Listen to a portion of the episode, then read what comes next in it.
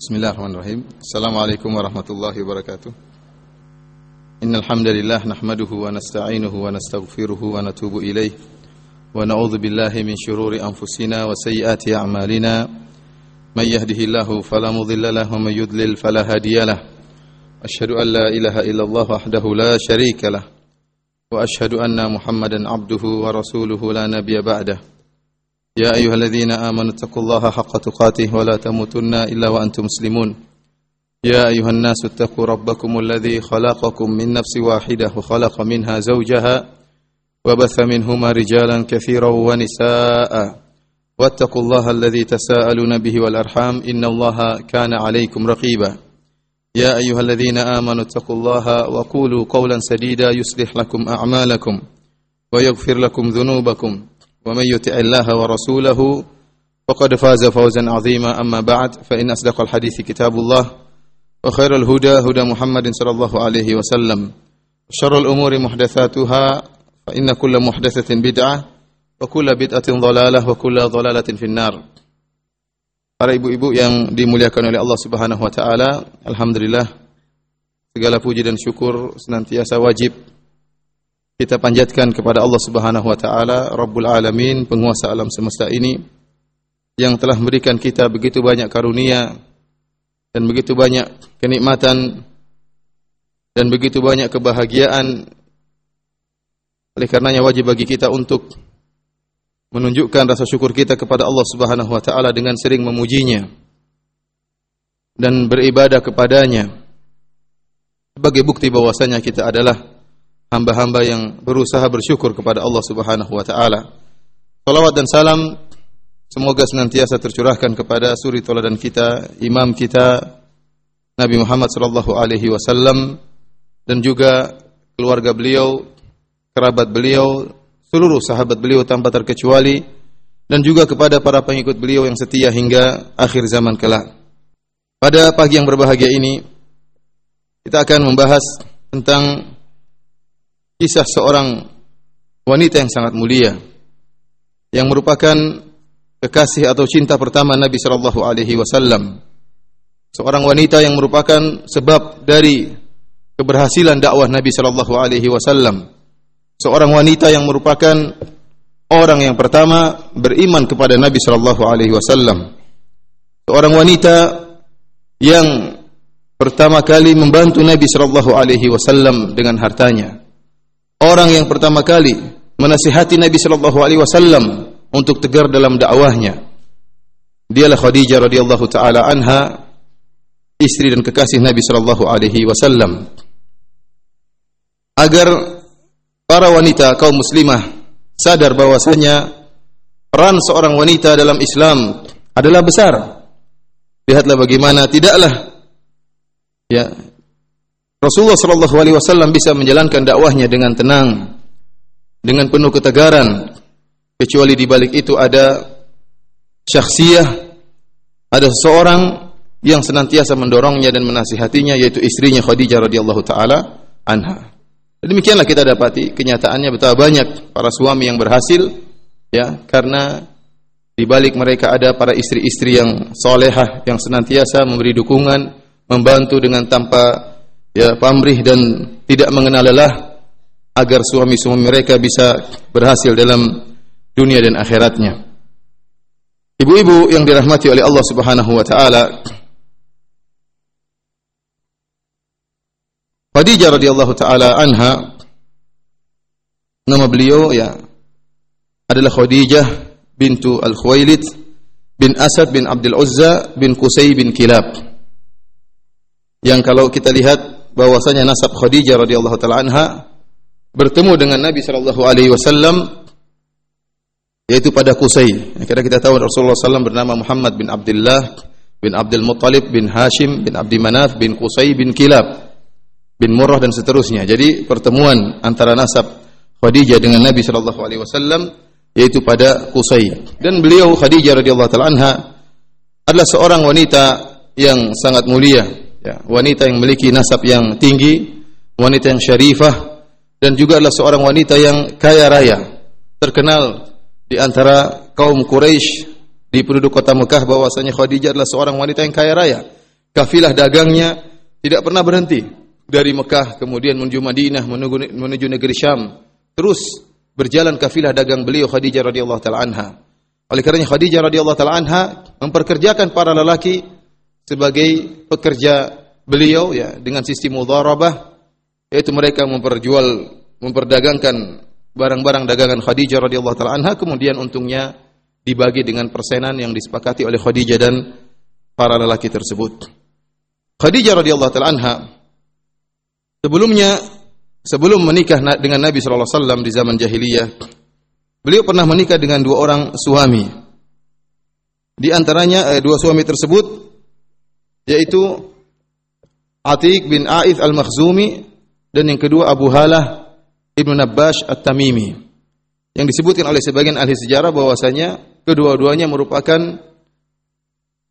dari pembesar para pemuka, pembesar kaum Quraisy dan kedua-duanya meninggal dunia ya. Tatkala mereka menikah dengan Khadijah. Jadi dua-duanya tidak mencarikan Khadijah tetapi meninggal dunia. Sehingga Khadijah telah menikah dua kali. Dan setelah kedua orang ini meninggal, maka Sadat Quraisy, para pembesar orang-orang Quraisy berlomba-lomba untuk mengkhidbah melamar Khadijah radhiyallahu taala anha. Akan tapi Khadijah menolak lamaran mereka. Karena Khadijah radhiyallahu taala terkenal di antara mereka, seorang wanita yang sangat ya, mulia dan tatkala terkumpul pada seorang wanita tiga sifat yang mulia, maka jadilah sempurna wanita tersebut. Pertama, Khadijah dikenal dengan seorang wanita yang cantik. Kemudian ditambah lagi kecantikan wajahnya ditambah lagi dengan kecantikan akhlaknya. Kemudian kecantikan akhlaknya ditambah lagi dengan indahnya akalnya, cerdasnya Khadijah. Belum lagi Khadijah adalah wanita yang kaya raya. Apalagi yang diharapkan dari wanita kecuali perkara-perkara ini, kecantikan, kemudian kecerdasan, kemudian akhlak yang mulia, kemudian kaya raya. Oleh karenanya para pembesar-pembesar Quraisy berlomba-lomba untuk meminang Khadijah. Akan tapi semuanya ditolak oleh Khadijah radhiyallahu taala anha. Bahkan Khadijah radhiyallahu taala anha sebagaimana disebutkan dalam buku-buku sirah, beliau dikenal atau diberi gelar dengan At-Tahirah, yaitu seorang wanita yang suci. Kapan diberi gelar Khadijah? Diberi gelar di zaman jahiliyah. Di zaman yang di situ penuh dengan kerusakan, penuh dengan kemaksiatan, berbagai macam kemungkaran, ya. Berbagai, berbagai macam perzinahan tersebar di zaman tersebut. Akan tapi Khadijah radhiyallahu taala anha dikenal dengan tahirah, diberi lakab dengan tahirah. Kenapa? Karena kesucian beliau, karena akhlak yang mulia beliau. Hingga oleh karenanya eh, seorang berusaha ya, ya kebaikan seorang wanita kembali pada dirinya. Meskipun kita akui bahwasanya bi'ah atau lingkungan itu memiliki faktor dalam merubah akhlak seorang, tapi jika seorang wanita memiliki hazm, memiliki tekad yang kuat, maka dia bisa menjadi mulia di tengah-tengah kerusakan. Lihatlah Khadijah radhiyallahu anha. Meskipun di zaman jahiliyah, zaman yang penuh dengan kerusakan, penuh dengan kemungkaran, penuh dengan perzinahan, ya, penuh, penuh dengan minum khamar, akan beliau radhiyallahu taala anha mulia dan dikenal oleh orang-orang Quraisy sebagai at-tahirah, seorang wanita yang mulia. Karenanya wajar jika kemudian para pembesar Quraisy berlomba-lomba untuk menikahi Khadijah. Ibu-ibu yang dirahmati oleh Allah Subhanahu wa taala, Ternyata kabar tentang akhlak mulia Nabi Shallallahu Alaihi Wasallam terdengar ke telinga Khadijah. Dan bisa jadi ini merupakan ya sir rahasia kenapa Khadijah radhiyallahu taala anha menolak lamaran-lamaran para pembesar-pembesar Quraisy. Ada berita tentang seorang pemuda yang dikenal dengan amanah, Al-Amin. Rasulullah SAW diberi gelar oleh orang-orang Quraisy dengan Al-Amin. Seorang yang sangat amanah. Ya, sampai-sampai kita tahu bagaimana orang-orang kafir Quraisy mereka menitip menitipkan barang-barang berharga mereka kepada Nabi Shallallahu alaihi wasallam karena amanahnya Nabi Shallallahu alaihi wasallam. Demikian juga bahkan sampai-sampai tatkala Nabi Shallallahu alaihi wasallam sudah diangkat menjadi nabi berumur 40 tahun, orang-orang kafir Quraisy masih menitipkan ya barang-barang berharga mereka kepada Nabi Shallallahu alaihi wasallam. Di siang hari mereka mengatakan Nabi kadzdzab, pendusta, penyihir, orang gila, ya akan tapi mereka ternyata meskipun mengatakan demikian, mereka masih menitipkan barang-barang berharga mereka kepada Nabi Shallallahu Alaihi Wasallam. Dan ini terus berlanjut sampai berlanjut sampai Nabi Shallallahu Alaihi Wasallam berhijrah ke kota Madinah. Berita tentang akhlak yang mulia dari Nabi sallallahu alaihi wasallam ditangkap oleh Khadijah radhiyallahu taala anha. Oleh karenanya, di antara kecerdasan Khadijah radhiyallahu taala anha, Khadijah tidak langsung tidak langsung ya eh, menawarkan dirinya kepada Nabi sallallahu alaihi wasallam. Akan tetapi, tetapi Khadijah radhiyallahu taala anha ingin menguji bagaimana kebenaran berita tersebut. Karenanya Khadijah radhiyallahu taala anha menawarkan agar Nabi sallallahu alaihi wasallam menjadi pekerjanya dalam sisi mudharabah untuk menjualkan barang dagangan Khadijah radhiyallahu taala anha dan kita tahu Nabi sallallahu alaihi wasallam adalah seorang pemuda yang miskin. Beliau tinggal bersama pamannya Abu Talib bahkan beliau menggembalakan kambing ya kita tahu dalam satu hadis tatkala uh, Rasulullah sallallahu alaihi wasallam ya berkata Ma min nabiyyin illa waqad ra'al ghanam. Tidak ada seorang nabi pun kecuali telah mengembalakan kambing. Qalu maka para sahabat bertanya, "Wa anta ya Rasulullah, apakah engkau juga mengembalakan kambing?" Kata Nabi sallallahu alaihi wasallam, "Na'am, kuntu ar'aha ala qararid li ahli Makkah." Saya dulu menggembalakan kambing untuk mendapatkan upah dari penduduk kota Mekah. Jadi kambing-kambingnya bukan kambing Nabi sallallahu alaihi wasallam, tapi kambing-kambingnya milik penduduk kota Mekah. Nabi sallallahu alaihi wasallam hanya bekerja untuk mengembalakan kambing-kambing tersebut untuk mendapatkan sebagian upah ya untuk membantu kehidupannya dan juga kehidupan pamannya Abu Talib. Dan Nabi SAW dilahirkan dalam keadaan yatim ya. Oleh karenanya beliau adalah orang yang miskin. Tatkala ada tawaran untuk bekerja dengan kerjaan yang baru, bukan hanya mengembalakan kambing, sekarang kerjaan dagang. Maka Nabi SAW tertarik. Maka berangkatlah beliau Nabi SAW menjualkan barang dagangan Khadijah radhiyallahu taala anha. Dan Khadijah radhiyallahu taala orang yang cerdas. Dia mengirim budaknya Maisarah untuk menemani perdagangan Nabi Shallallahu Alaihi Wasallam karena Khadijah ingin tahu tentang akhlak Nabi Shallallahu Alaihi Wasallam, ingin tahu tentang amanah Nabi Shallallahu Alaihi Wasallam. Maisarah adalah budaknya Khadijah, gulamnya Khadijah. Dan Maisarah ini adalah nama laki-laki ya, jangan sampai kita menyangka Maisarah nama wanita karena kalau di Indonesia biasanya anak wanita ya Maisarah adalah digunakan untuk nama wanita, anak wanita, tidak benar ya. Ya, meskipun ada tak marbutohnya terakhir tapi dia nama laki-laki. Sebaliknya seperti Firdaus. Kalau Firdaus di Arab Saudi adalah nama wanita, kalau di sini nama laki-laki. Ini keliru ya. Jadi Maisarah itu bukan eh, nama perempuan. Ya. Jangan disangka bahwasanya Nabi SAW berdagang ditemani oleh seorang wanita. Tidak. Ditemani oleh seorang lelaki namanya Maisarah. Dan banyak ulama namanya Maisarah. Maka berangkatlah Nabi SAW bersama Maisarah. Ya, perdagangkan barang-barang milik Khadijah.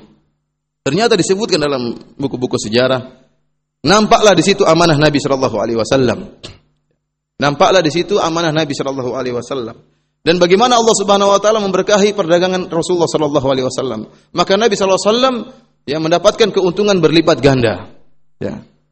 Maka semuanya ditangkap oleh siapa? Maisarah. Dan ini menunjukkan cerdasnya Khadijah. Ya, dia ingin cek dan mengecek bagaimana amanahnya Nabi dengan melihat bagaimana akhlak Nabi tatkala bersafar.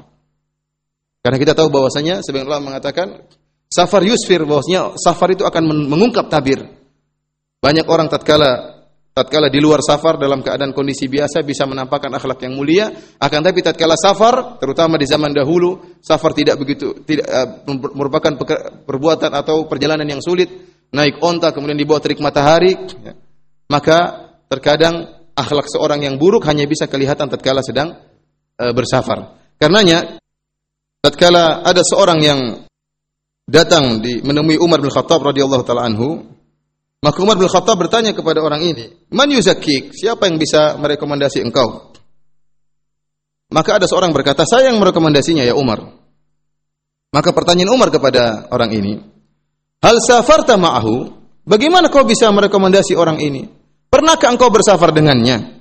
Qala la, tidak pernah. Qala amaltahu bid dirham wa dinar? Apakah kau pernah bermuamalah dengan dia masalah dinar dan dirham, masalah duit? Qala la, tidak pernah. Kata Umar, "Walladhi wallahi alladhi la ilaha hu ma ta'rifuhu." Kalau begitu, demi Allah, kau tidak tahu orang ini. Bagaimana kau bisa merekomendasi orang ini? Hanya sekedar bertemu ya, tidak menunjukkan akhlak mulia seorang. Tapi Umar bin Khattab radhiyallahu taala anhu menyebutkan dua perkara. Pertama, apakah engkau pernah bersafar dengan dia? Yang kedua, apakah engkau pernah bermuamalah masalah duit dengan dia?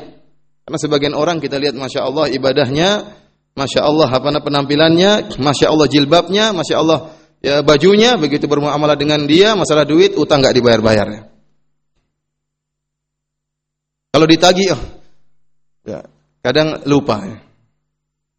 Kadang dia berhusnudzon, teman saya itu orang soleh, pasti dia sudah mengikhlaskan utang saya. Sudah mengikhlaskan utangnya. Ini kenyataannya. Karena jangan kita menghukumi seorang dengan rekomendasi yang terlalu tinggi, mentazkiyah yang terlalu tinggi sebelum kita bermuamalah dengan dia masalah uang. Ya. Padahal Nabi SAW mengatakan, Matolul ghani zulmun. Seorang yang kaya, yang mampu untuk bayar hutang, kemudian dia menunda-nunda bayar hutangnya, maka ini merupakan kezaliman. Selama dia tidak membayar hutangnya, sementara dia mampu, kezaliman terus dia lakukan. Berjalan dengan waktu tersebut. Demikian juga safar. Nampak seorang tatkala bersafar, apakah akhlaknya mulia atau tidak? Sangat nampak, terutama perjalanan jauh. Tatkala menghadapi mata'ibis sabar, menghadapi kesulitan-kesulitan dalam safar, bagaimana? Apakah orang ini hanya atau ataukah dia memikirkan temannya juga? Apakah makanan yang dia miliki dia bagi-bagi atau dia makan sendiri sembunyi-sembunyi? Ya ini semua akan nampak tatkala sedang dalam keadaan safar yang sulit terutama di zaman dahulu. Oleh karenanya di antara kecerdasan Khadijah radhiyallahu taala anha Khadijah ya untuk mengecek bagaimana akhlaknya Nabi sallallahu alaihi wasallam maka dia utus Nabi sebagai pekerjanya muamalah masalah uang dan safar terkumpul dua perkara ini yang dipersyaratkan oleh Umar bin Khattab radhiyallahu taala anhu untuk mengetahui seorang itu mulia atau tidak Pertama safar, kedua masalah duit. Dan ini semuanya dikerjakan oleh Nabi Shallallahu Alaihi Wasallam. Ternyata dalam masalah mudharabah perdagangan dengan Nabi Shallallahu Alaihi Wasallam, ya Nabi Shallallahu Alaihi Wasallam ternyata perdagangannya berhasil, kemudian diberkahi oleh oleh Allah Subhanahu Wa Taala untung berlipat ganda. Ya. Kemudian tatkala safar juga nampak akhlaknya mulia dan semuanya direkam oleh Maisarah, gulamnya Khadijah dan semuanya dikabarkan kepada Khadijah radhiyallahu taala anha. Maka semakin bersemi cinta Khadijah kepada siapa? Rasulullah sallallahu alaihi wasallam. Ya. Nah, terkadang kalau sudah hubungan masalah dagang, masalah duit tadi ya. Dalilnya paling terakhir, afwan ya akhi ya. Ada. Afwan ya ukhti. Afwan kenapa? Tidak bisa bayar hutang, uang nggak kembali, modal hilang semuanya. Ya. Ini jadi masalah ya. Disebutkan oleh para ahli sejarah, maka Khadijah radhiyallahu taala anha pun mengutarakan hasratnya kepada Nabi sallallahu alaihi wasallam melalui seorang sahabatnya kalau tidak salah namanya Nafisah. Agar disampaikan kepada Nabi sallallahu alaihi wasallam bahwasanya Khadijah ingin dinikahi oleh Nabi Shallallahu Alaihi Wasallam. Dan kita tahu bahwasanya hal ini ya diperbolehkan seorang wanita jika mendapati seorang lelaki yang soleh, kemudian dia menawarkan dirinya kepada lelaki tersebut, maka ini e, tidak mengapa. Apakah wanita tersebut menawarkan dirinya langsung, ataukah lebih sopan dengan melalui sahabatnya, atau lebih sopan lagi dengan melalui walinya ya, melalui kakaknya, melalui ayahnya. Ini tidak jadi tidak jadi tidak jadi masalah. Dan Allah Subhanahu wa taala telah menyebutkan hal ini bahwasanya yang mulai menawarkan diri adalah seorang wanita seperti kisah dua orang wanita yang bertemu dengan Nabi Musa alaihissalam yang Allah sebutkan dalam surat Al-Qasas di mana ayah dari dua wanita ini berkata kepada Nabi Musa alaihissalam, "Inni uridu an unkih an unkihaka ihda ibnatayya hataini ala an ta'jurani thamaniya hijaj." Sungguhnya aku ingin menikahkan engkau wahai Musa dengan salah seorang dari dua putriku dengan syarat engkau bekerja bersamaku selama delapan tahun. Fa in atmamta asyran famin indik. Dan jika engkau bekerja denganku selama sepuluh tahun maka tidak mengapa ya. Di sini ayah dari dua wanita ini menawarkan salah seorang putrinya kepada Nabi Musa alaihissalam. Demikian juga kita dapati Umar bin Khattab radhiyallahu taala anhu. Putrinya yang bernama Hafsah tatkala suaminya meninggal dunia karena terluka tatkala mengikuti perang Uhud kemudian meninggal dunia maka Umar bin Khattab radhiyallahu taala anhu sang ayah kemudian menawarkan putrinya Hafsah kepada para sahabat. Yang pertama kali ditawarkan adalah Utsman bin Affan radhiyallahu taala anhu. Utsman bin Affan mengatakan, ya, hari-hari ini saya tidak ingin menikah. Akhirnya uh, Umar bin Khattab radhiyallahu taala anhu kemudian menawarkan putrinya Hafsah kepada Abu Bakar radhiyallahu taala anhu dan Abu Bakar hanya terdiam dan ternyata akhirnya dinikahi oleh Nabi sallallahu alaihi wasallam. Oleh karenanya kalau seorang wali atau seorang ayah atau seorang kakak melihat ada seorang laki yang soleh, ya, kemudian dia ingin agar adiknya dinikahi oleh laki soleh tersebut, maka tidak mengapa dia menawarkan adiknya. Ini menunjukkan perhatian sang wali kepada adiknya atau kepada putrinya. Jangan sampai terbetik dalam hati, hati kita bahwasanya ini adalah perendahan terhadap sang wanita. Masa adikmu kau jual-jual kepada orang? Bukan masalah jual-jualan ya. Ini masalahnya ada seorang laki yang soleh. Dan kita ingin adik kita, kita ingin putri kita mendapatkan suami yang soleh yang bisa membahagiakannya, yang bisa menangkan pikirannya. Ya. Dan ini bukan merupakan perkara yang tercela, bahkan dituntut jika perkaranya demikian. Tatkala seorang mendapati ada laki soleh yang diharapkan bisa menjadi suami dari adiknya atau suami dari putrinya. Akhirnya menikahlah Nabi Shallallahu Alaihi Wasallam dengan Khadijah radhiyallahu taala anha. Pernikahan yang diberkahi oleh Allah Subhanahu wa taala. Para ulama sejarah khilaf tentang berapa umur Khadijah tatkala menikah dengan Nabi Shallallahu alaihi wasallam. Ya. Jumhur ulama menyatakan bahwasanya umur Nabi tatkala menikah dengan Khadijah adalah 25 tahun dan umur Khadijah tatkala menikah dengan Nabi sallallahu alaihi wasallam adalah 40 tahun. Meskipun ada pendapat yang lain seperti pendapat Ibnu Ishaq ya, yang disebutkan dalam Mustadrak Al-Hakim bahwasanya Ibnu Ishaq menyebutkan umur Khadijah tatkala menikah dengan Nabi sallallahu alaihi wasallam umurnya 28 tahun. Jadi cuma beda tahun 3 tahun dengan Nabi sallallahu alaihi wasallam.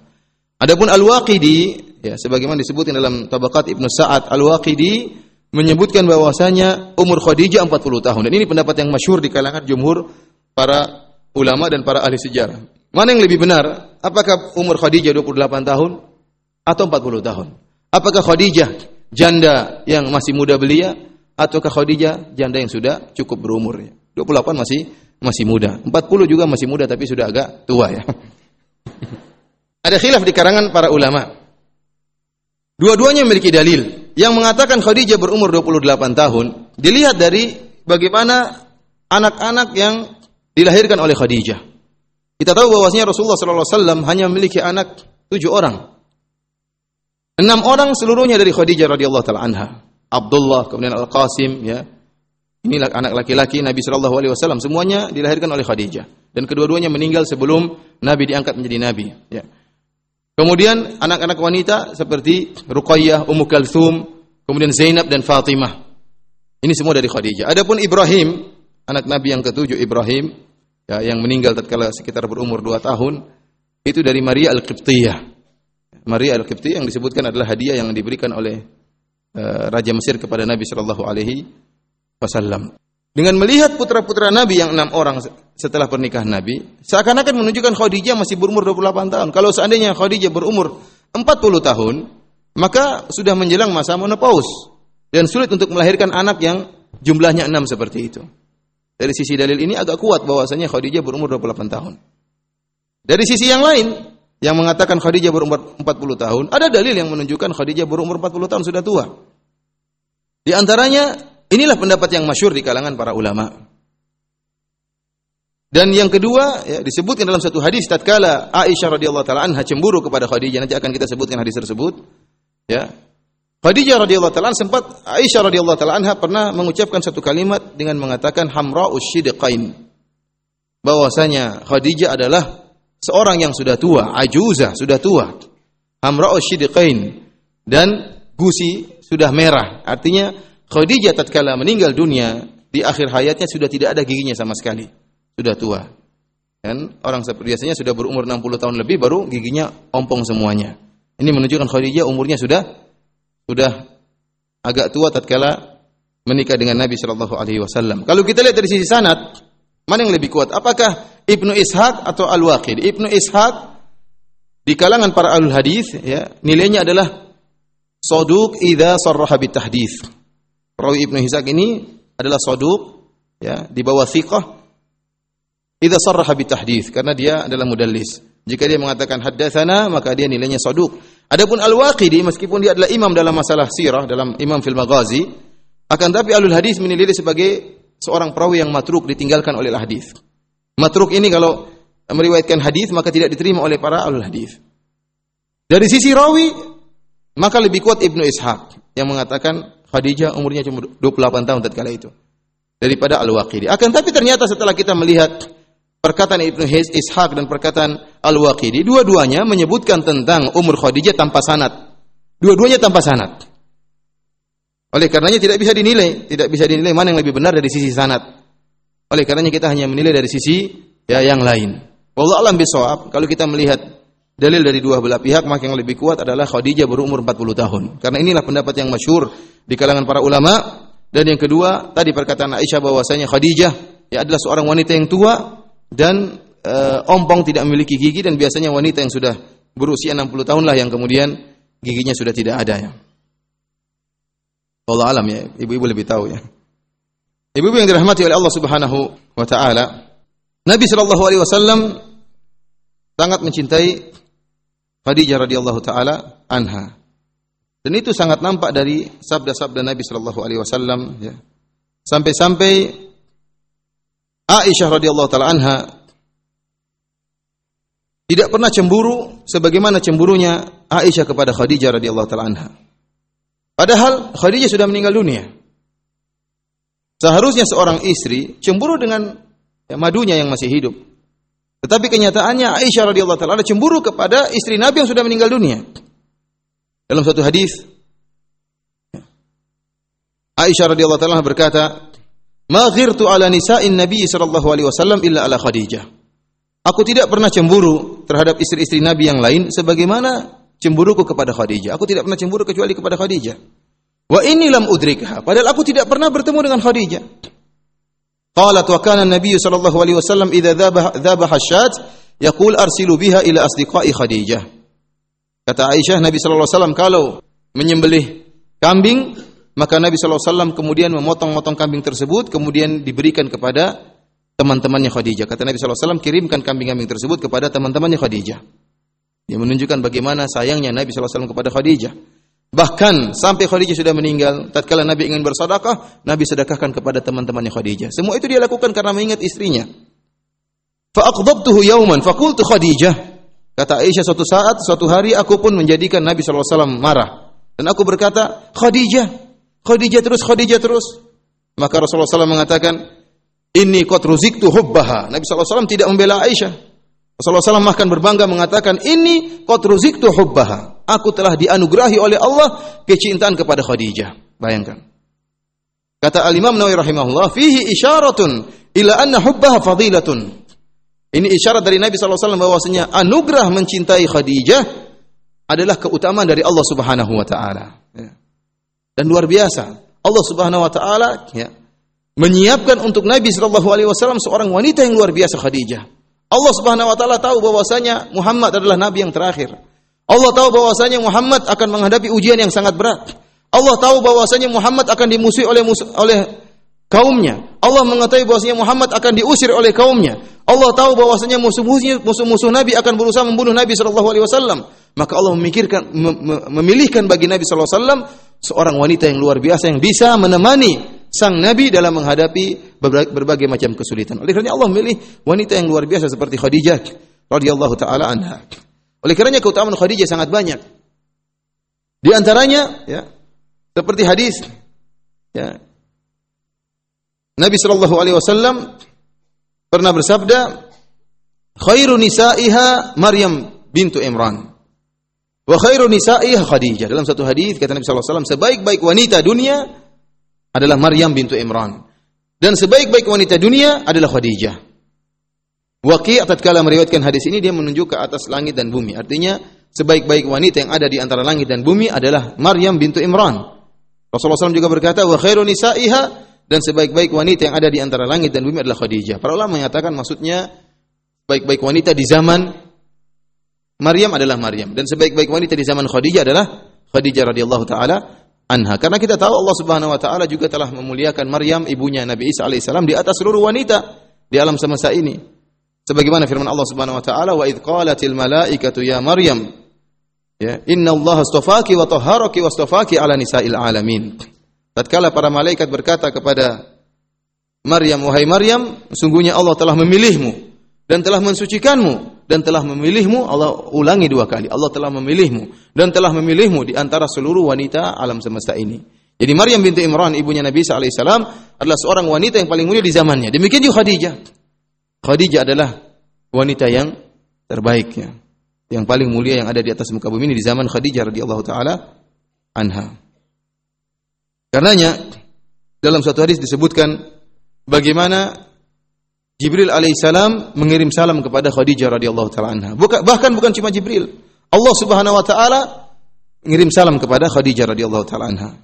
Dalam satu hadis dari Abu Hurairah radhiyallahu taala anhu, beliau berkata, "Ata Jibril Nabi sallallahu alaihi wasallam faqala ya Rasulullah." Jibril alaihissalam menemui Nabi sallallahu alaihi wasallam. Kemudian Jibril berkata, "Wahai Rasulullah, hadhihi khadijatu qad atatka ma'aha ina'un fihi idamun aw ta'amun aw syarabun tatkala itu Nabi sallallahu alaihi wasallam sedang berada di rumah Khadijah dan Khadijah sedang keluar kemudian datang menemui Nabi sambil membawa sebuah tempayan ya yang berisi minuman ya atau makanan atau idam. Idam itu seperti uh, kuah yang ada dagingnya, macam sayur yang ada dicampur dengan daging yang ada kuahnya. Kemudian kata Jibril alaihissalam, ini Khadijah sedang datang menemui engkau. Fa idza hiya atatka faqra alaiha salam. Jika Khadijah datang menemuimu, maka sampaikanlah kepada Khadijah salam min rabbiha, salam dari Allah Subhanahu wa taala azza wa jalla. Wa minni dan juga salam dariku. Wa basyirha bi baitin fil jannati min qasab. Dan berilah kabar gembira kepada Khadijah. Ya. Tentang ya, istana yang Allah siapkan baginya di surga yang terbuat dari mutiara. La sakhaba fihi wala nasab. Yang dalam istana tersebut tidak akan ada suara hiruk pikuk Suara teriak, teriakan tidak ada dan tidak ada rasa letih yang akan dialami oleh Khadijah. Perhatikanlah para ibu-ibu yang dirahmati oleh Allah Subhanahu wa taala dalam hadis ini. Bagaimana Allah Subhanahu wa taala mengirim salam kepada Khadijah radhiyallahu taala anha. Kita tahu bagaimana ya perasaan kita begitu bahagia tatkala kita mengetahui ada ya orang yang mulia mengirim salam kepada kita. Dia bilang ada syekh kirim salam sama antum, bahagia kita. Jangankan syekh kadang ustadz kirim salam saja, kita sudah senang ya. Sudah berbinar-binar hati kita ya. Padahal ustadznya tidak menyebut nama. Dia bilang sampaikan salam kepada ikhwan-ikhwan. Atau salam kepada ummahat. Padahal tidak sebutkan namanya. Sudah berbinar-binar hati kita. Bagaimana lagi kalau yang lebih daripada syekh kirim salam? Bagaimana kalau mufti Saudi kirim salam? Bagaimana lagi kalau yang kirim salam adalah malaikat Jibril? Bagaimana lagi kalau kirim salam adalah Allah Subhanahu wa taala? Ini menunjukkan bagaimana mulianya Khadijah radhiyallahu taala anha. Oleh karenanya tatkala Nabi sallallahu alaihi wasallam berkata kepada Ubay bin Ka'ab, "Inna Allah amaroni an aqra alaika al-Qur'an." Kata Nabi sallallahu alaihi wasallam, "Wahai Ubay bin Ka'ab, Allah telah perintahkan aku untuk baca Al-Qur'an kepada engkau." Maka Ubay pun terdiam, dia mengatakan, "Allahu sammani laka ya Rasulullah." Apakah Allah menyebut namaku Ubay bin Ka'ab kepada engkau wahai Rasulullah? Kata Rasulullah SAW, "Na'am, Allah sebut namamu." Kemudian Ubay berkata, "Wa qad dzukirtu 'inda Rabbil alamin." Telah disebutkan namaku di sisi penguasa alam semesta ini kata Nabi, "Na'am, iya." Fadharrafat ainahu, maka dia pun menangis. Siapa? Ubay bin Ka'ab. Bagaimana orang tidak bahagia disebut namanya oleh Allah Subhanahu wa taala? Ya, meskipun ya, orang-orang di alam semesta ini tidak menyebut nama kita, cukup disebut nama kita oleh Allah Subhanahu wa taala merupakan kebahagiaan yang luar biasa. Oleh karenanya Ubay bin Ka'ab langsung menangis ketika mendengar bahwasanya Allah menyebut namanya. Bagaimana lagi seperti Khadijah radhiyallahu taala anha? Allah mengirim salam buat Khadijah radhiyallahu taala anha. Nah, ini menunjukkan bahwa betapa mulianya Khadijah radhiyallahu taala anha. Kemudian Allah Subhanahu wa taala siapkan baginya istana yang terbuat dari mutiara. La sakhabu fihi wala nasab, tidak ada suara hiruk pikuk dalam istana tersebut dan tidak ada keletihan dalam istana tersebut. Kemudian ikhwan eh, ibu-ibu yang dirahmati oleh Allah Subhanahu wa taala, maka menikahlah Nabi sallallahu alaihi wasallam dengan Khadijah radhiyallahu taala anha. Kemudian tatkala Nabi sallallahu alaihi wasallam berumur 40 tahun, maka Nabi sallallahu alaihi wasallam ya diturunkan wahyu oleh Allah Subhanahu wa taala. Di sinilah mulai ujian yang dihadapi oleh Nabi sallallahu alaihi wasallam tatkala kaumnya mulai memusuhi Nabi sallallahu alaihi wasallam setelah Nabi diangkat menjadi seorang nabi. Sebelumnya Nabi Shallallahu Alaihi Wasallam ya, hubbiba ilaihi ya, al khalwah. Nabi Shallallahu Alaihi Wasallam diberi ilham oleh Allah Subhanahu Wa Taala dan beliau suka untuk berkhalwat, suka pergi ke Gua Hira, kemudian berdiam diri di sana, beribadah kepada Allah Subhanahu Wa Taala, yatahannaf, yaitu beribadah kepada Allah dengan ibadah yang Allah bukakan kepada Nabi Shallallahu Alaihi Wasallam. Meskipun para ulama khilaf ibadah apa yang dilakukan oleh Nabi Shallallahu Alaihi Wasallam, apakah ibadah menurut ya caranya Nabi Ibrahim alaihissalam atau Nabi yang lain? Ya. Allah alam bisawab. Yang penting Nabi SAW beribadah dengan yang Allah berikan kemudahan kepada Nabi SAW apakah bersedekah atau bertafakur? Karena disebutkan bahwasanya memang kalau seorang naik ke Gua Hira maka pintu Gua Hira tersebut langsung ke arah Mekah ke arah Ka'bah sehingga seorang yang duduk di situ melihat bagaimana kondisi kondisi Mekah Dan disebutkan bahwasanya Nabi wasallam ya senang berdiam diri dalam berkhulwat di dalam uh, gua Hira tatkala bulan Ramadan. Dan ini sebelum diturunkannya wahyu ya oleh Allah Subhanahu wa taala. Bahkan Rasulullah SAW berbekal makanan dibawa ke gua Hira tersebut. Kemudian beliau menetap di sana berhari-hari, bahkan ada yang mengatakan berminggu-minggu dalam rangka untuk merenungkan dan beribadah karena Rasulullah SAW sudah sesak melihat bagaimana kerusakan dan kemungkaran yang terjadi di kota Mekah. Perzinahan, kemudian riba, kemudian minum khamar, ya, kezaliman di antara mereka, ya. Sehingga Nabi SAW menjauhkan dirinya dari kerusakan yang terjadi di di masyarakat. Dan lihatlah bagaimana Khadijah radhiyallahu taala sabar. Sabar tatkala suaminya suka untuk berkhulwat.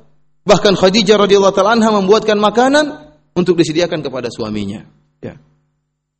Tidak bilang, "Mas, kok nggak pulang-pulang?"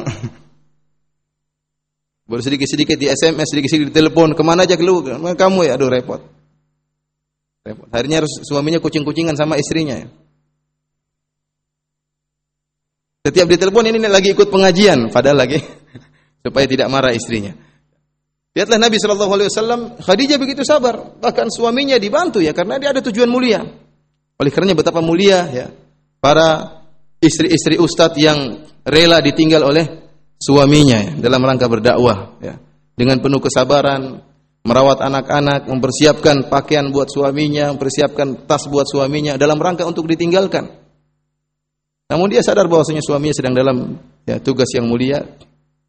Sebagaimana Khadijah radhiyallahu anha yang persiapkan segala perbekalan untuk suaminya untuk berkhalwat. Sampai akhirnya Allah Subhanahu wa taala pun menurunkan wahyu kepada Nabi sallallahu alaihi wasallam melalui malaikat Jibril. Ya. Tatkala datang malaikat Jibril, kemudian malaikat Jibril pun mendekap Nabi sallallahu alaihi wasallam ya. Kata Nabi sallallahu alaihi wasallam, "Fa akhadhani faghattani hatta balagha minni al-jahda." Ya. Malaikat Jibril pun mendekapku dan memelukku sampai-sampai aku sesak, sulit. Tuma arsalani Kemudian malaikat Jibril melepaskan aku. Jadi malaikat Jibril berkata, "Iqra." Bacalah wahai Muhammad. Kata Nabi SAW, Ma'ana qari. Saya tidak bisa baca. Tidak bisa baca sama sekali. Dipeluklah Nabi SAW sampai Rasulullah SAW ketakutan kemudian dilepaskan. Malaikat Jibril bertanya lagi. Iqra bacalah. Kata Nabi SAW, Ma'ana qari. Saya tidak bisa baca.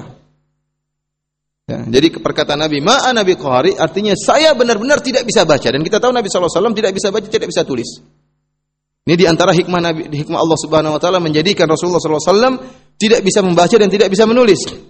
Kenapa? Agar untuk membantah persangkaan orang-orang kafir Quraisy yang mereka menyatakan bahwasanya Al-Qur'an telah dibuat oleh Muhammad.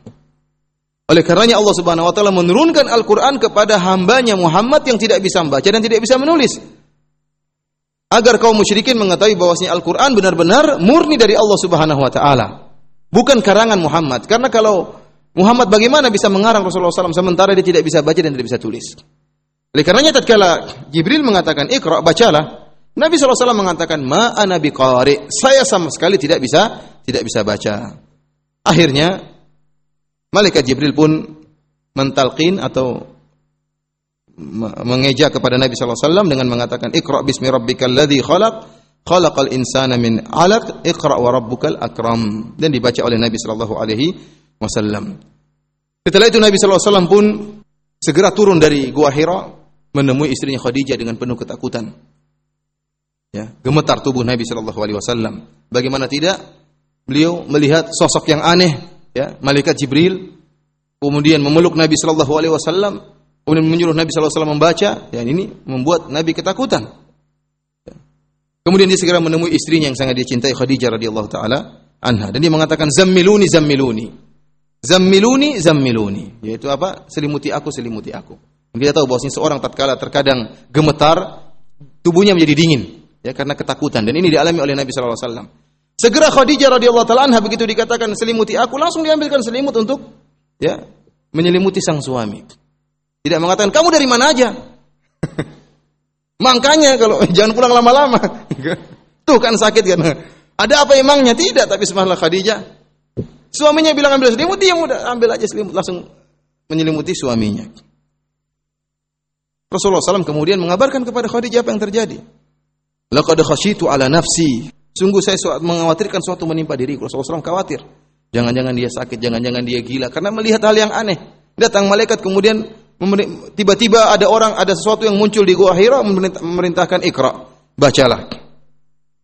Di sinilah peran Khadijah, peran istri ya, bagaimana syakhsiyat, bagaimana ya kehebatannya Khadijah radhiyallahu taala anha. Begitu melihat suaminya dalam keadaan ketakutan, maka Khadijah radhiyallahu taala mengatakan, "Kalla, wallahi ma yukhzika Allahu abada." Abshir kata Khadijah. Sekali-sekali tidak. Allah tidak akan menghinakan engkau wahai suamiku selamanya. Bergembiralah. Innaka latasilur rahim. Wa tasduqul hadis kata Khadijah, wahai suamiku, engkau adalah seorang suami yang senantiasa jujur dalam berkata senantiasa menyambung silaturahmi, wa tahmilul kalla wa taksibul ma'dum wa takrid dhaif. Engkau senantiasa membantu orang yang kesulitan. Engkau membantu orang yang tidak memiliki apa-apa. Bahkan engkau bekerja yang hasilnya kau berikan kepada orang yang tidak punya. Wa takrid dhaif dan engkau senantiasa memuliakan tamu. Wa tu'inu ala nawaibil haq dan engkau senantiasa membantu orang-orang yang terkena musibah. Bagaimana Allah bisa menghinakan engkau? Jadi ini cerdasnya Khadijah radhiyallahu taala anha. Oleh karena ibu-ibu yang dirahmati oleh Allah Subhanahu wa taala, jika ibu-ibu melihat suami ibu-ibu dalam keadaan stres atau dalam keadaan pusing, maka jangan ditambah pusingnya. Ya. Kalau ibu suami ibu-ibu sedang ada masalah dengan Abu Fulan dengan suami yang lain, maka jangan ditambah kemarahannya.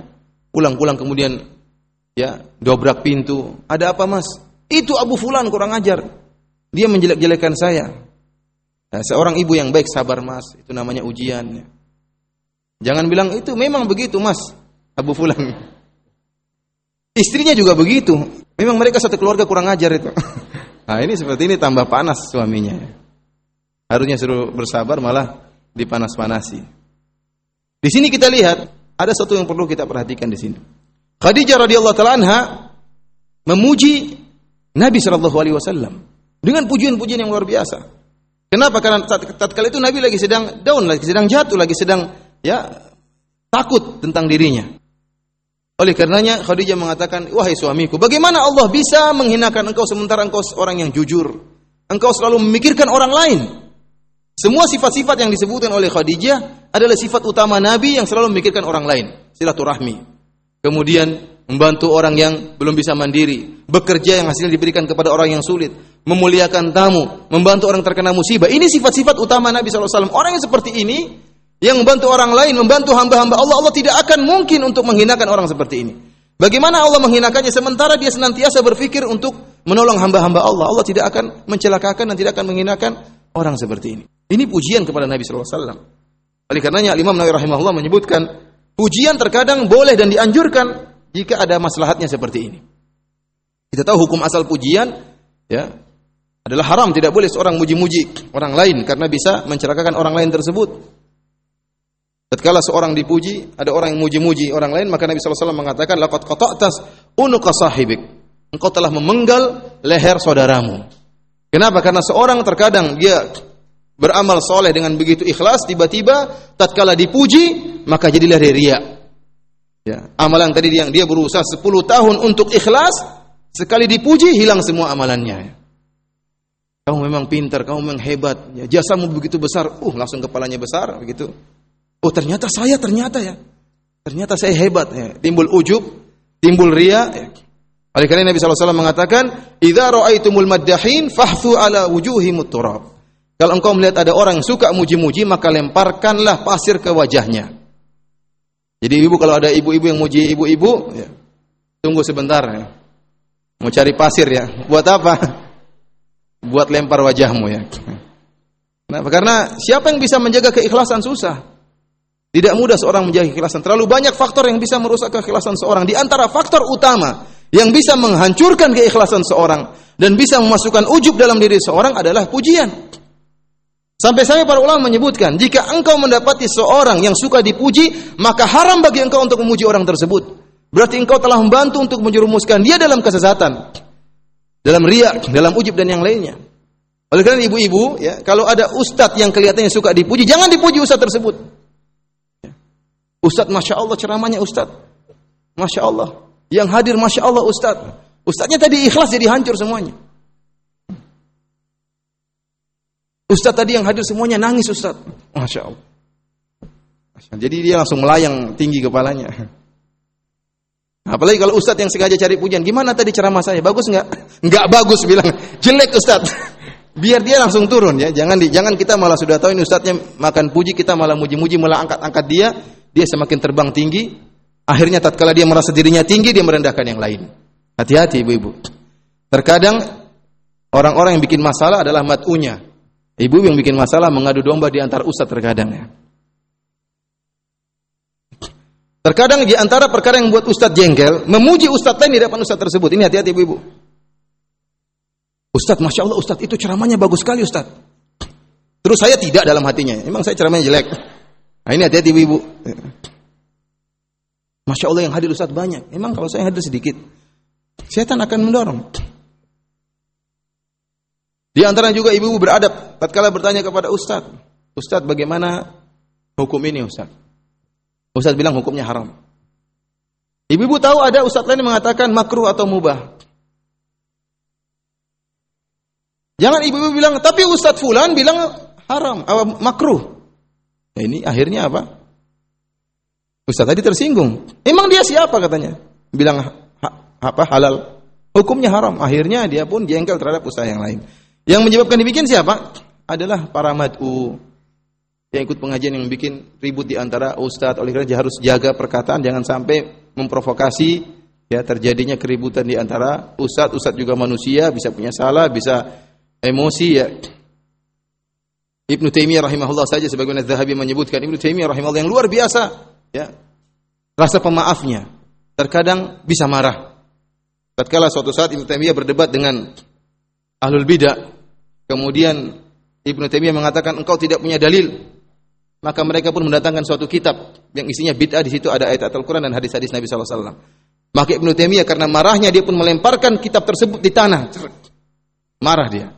Maka mereka tegur, "Wah Ibnu Taimiyah, kenapa Anda melemparkan buku tersebut sementara ada ayat Al-Qur'an, ada hadis-hadis Nabi sallallahu alaihi wasallam?" Kata Ibnu Taimiyah, Nabi Musa saja pernah lempar lauha yang di situ ada ayat, ayat Allah semuanya. Jadi Ibnu Taimiyah emosi dan dia punya dalil juga tatkala emosi. Artinya seorang bisa saja marah hingga tidak terkontrol namanya manusia pun demikian. Oleh karenanya kita kembali kepada kisah Khadijah radhiyallahu taala bersama Nabi wasallam, maka Khadijah radhiyallahu taala anha pun memuji Nabi sallallahu alaihi wasallam dan itu adalah kondisi yang tepat untuk dipuji karena Nabi sallallahu alaihi wasallam sedang dalam keadaan ya down dalam keadaan apa namanya takut dan khawatir oleh karenanya boleh seorang tatkala melihat anaknya mungkin atau melihat sahabatnya jadi malas beribadah misalnya atau malas berdakwah atau malas melakukan suatu kegiatan, maka kita tanamkan percaya diri dalam dirinya. Kita bilang kamu punya kemampuan, kamu pernah berhasil demikian dan demikian sehingga dia pun bisa memiliki percaya diri kemudian meminta pertolongan kepada Allah kemudian melanjutkan kegiatannya. Ibu yang dirahmati oleh Allah Subhanahu wa taala, maka di, pertama dilakukan oleh Khadijah tatkala suaminya ketakutan, maka Khadijah radhiyallahu taala anha memuji suaminya untuk menghilangkan e, rasa takut dari suaminya dan menenangkan hati suaminya. Setelah itu tidak cuma sampai di situ. Khadijah radhiyallahu taala anha pun membawa Nabi sallallahu alaihi wasallam untuk menemui ibnu ammihi yaitu sepupunya yang bernama Warakah bin Naufal bin Asad bin Abdul Uzza bin Qusay bin Kilab Warakah bin Naufal Wa kana imra'an tanassara fil jahiliyah. Dan Waraqah bin Naufal adalah seorang yang dia masuk agama Nasrani tatkala di zaman jahiliyah. Jadi dia dia tatkala di zaman jahiliyah mencari-cari kebenaran. Dia mendapati orang-orang dalam kerusakan, beribadah kepada berhala-berhala, terjerumus dalam kemusyrikan. Ini tidak mendapati agama yang terbaik kecuali Nasrani. Akhirnya dia pun masuk agama Nasrani. Wa kana yaktubul kitab al-Ibrani. Fa yaktubu minal Injil bil Ibraniyah masya Allah an yaktub dan dia bisa ya menulis dengan tulisan bahasa Ibrani. Kemudian dia menerjemahkan Injil ya atau dia menulis Injil dengan bahasa Ibrani. Wa kana syaikhan kabiran qat'ami. Dan Waraqah bin Naufal adalah seorang yang sudah sangat tua dan sudah tidak bisa melihat. Khadijah radhiyallahu taala anha kemudian membawa suaminya Muhammad sallallahu alaihi wasallam kepada sepupunya tersebut. Kemudian Khadijah berkata kepada Warakah, "Isma min ibni akhi." Wahai Warakah, coba dengarlah cerita dari suamiku ini. Faqala lahu "Ya ibna akhi, madza tara?" Kata Warakah, "Wahai anak saudaraku wahai Muhammad, apa yang kau lihat? Fa akhbarahu Rasulullah sallallahu alaihi wasallam khabara ma ra'a. Maka Nabi sallallahu alaihi wasallam pun menceritakan kepada Warakah apa yang dia lihat itu tentang datangnya Jibril alaihissalam kemudian memerintahkan Nabi sallallahu alaihi wasallam untuk membaca Iqra. Kata Warakah bin Naufal, "Hadza namus alladhi nazala Allahu ala Musa." Yang mendatangimu adalah namus yaitu malaikat yang telah Allah utus kepada Nabi Musa alaihissalam itu Jibril alaihissalam. Jadi Warakah ingin menyatakan wahai Muhammad jangan kau khawatir apa yang turun kepada engkau itulah yang pernah turun kepada Nabi Musa itu malaikat Jibril alaihissalam. Kemudian Warakah berkata, "Ya laitani fiha jad'an. Ya laitani akuna hayyan idh yukhrijuka qaumuka." Kata Warakah, seandainya jika datang waktunya aku masih dalam keadaan muda. Seandainya aku masih hidup Seandainya aku masih hidup tatkala kaum engkau mengusirmu. Rasulullah SAW kaget tatkala mendengar berita dari Waraqah bin Naufal bahwasanya dia, dia akan diusir oleh kaumnya. Kata Rasulullah SAW, "Awamukhrijiyahum? Apakah kaumku akan mengusirku?" Qala na'am kata Nabi SAW. Kata Waraqah, "Iya, engkau akan diusir oleh kaummu." Lam ya'ti rajulun qad bimithli ma ji'ta bihi illa udi. Kata Nabi SAW, kata Waraqah, tidaklah seorang pun datang dengan apa yang kau bawa yaitu wahyu dari Allah Subhanahu wa taala illa udi kecuali dia akan dimusuhi. Wa in yudrikni yaumuka ansuruka nasran muazzaran. Kalau seandainya tatkala engkau diusir dan aku masih hidup, maka maka aku akan menolongmu dengan pertolongan yang sekuat-kuatnya. Akan tapi tidak kemudian Waraqah pun meninggal meninggal dunia. Dan ini menunjukkan ya bagaimana cerdasnya Khadijah radhiyallahu taala anha? Tatkala suaminya dalam keadaan ketakutan yang pertama dia nasihati suaminya kemudian dia bawa pula ke orang lain agar semakin menenangkan hati suaminya. Dibawalah kepada orang yang alim seperti Warakah bin Naufal ya. Dan Warakah bin Naufal disebutkan dalam hadis yang sahih bahwasanya beliau masuk surga meninggal dalam keadaan muslim beriman kepada uh, wahyu yang diturunkan kepada Nabi sallallahu alaihi wasallam. Ibu oleh Allah Subhanahu wa taala, dari sini kita tahu bahwasanya Orang yang pertama kali masuk Islam tatkala Nabi Shallallahu alaihi wasallam ya menerima wahyu adalah Khadijah radhiyallahu taala anha. Tatkala Nabi sallallahu alaihi wasallam datang surat Iqra bismi rabbikal ladzi khalaq begitu menemui Khadijah Khadijah langsung membenarkan perkataan Nabi sallallahu alaihi wasallam. Dan kita tahu bahwasanya ya dari sini kita tahu betapa mulia Khadijah radhiyallahu taala anha karena dialah orang yang pertama kali masuk Islam. Sehingga seluruh orang-orang yang masuk Islam setelah Khadijah pada dasarnya adalah meniru ya atau berteladan kepada Khadijah radhiyallahu taala anha. Oleh karenanya seluruh wanita yang masuk Islam setelah Khadijah maka pahalanya mengalir kepada Khadijah radhiyallahu taala anha sebagaimana perkataan Al-Hafidz Ibnu Hajar rahimahullah. Dan Al-Hafidz Ibnu Hajar rahimahullah mengatakan tidak ada yang bisa menyaingi Khadijah kecuali seperti Abu Bakar radhiyallahu anhu. Abu Bakar radhiyallahu anhu tatkala masuk Islam maka dia pun berdakwah. Dan banyak orang yang masuk Islam gara-gara Abu Abu Bakar radhiyallahu taala anhu di awal-awal dakwah Abu Hurairah. Abu Bakar di antaranya Utsman bin Affan radhiyallahu taala anhu. Oleh karenanya lelaki dewasa yang pertama kali masuk Islam adalah Abu Bakar. Anak muda yang pertama kali masuk Islam adalah Ali bin Abi Thalib. Budak yang pertama kali masuk Islam adalah Zaid bin Harithah. Wanita yang pertama kali masuk Islam adalah Khadijah. Tetapi Islamnya Khadijah mendahului Abu Bakar. Oleh karena seluruh wanita yang masuk Islam setelah Khadijah pahalanya mengalir kepada Khadijah radhiyallahu taala anha karena dialah yang pertama kali ya sanna sunnatan hasanah. Dia yang pertama kali melakukan kebaikan dan diikuti oleh orang-orang setelahnya. Kemudian Khadijah radhiyallahu taala anha adalah wanita yang pertama kali membantu Nabi sallallahu alaihi wasallam dengan hartanya. Oleh karenanya ya tatkala Aisyah radhiyallahu taala anha uh, cemburu kepada Khadijah dan Aisyah radhiyallahu taala anha mengatakan bahwasanya Nabi sallallahu alaihi wasallam sering menyebut-nyebut Khadijah. Dan jika telah menyebut Khadijah, ya Rasulullah sallallahu alaihi wasallam memujinya dengan pujian yang yang banyak.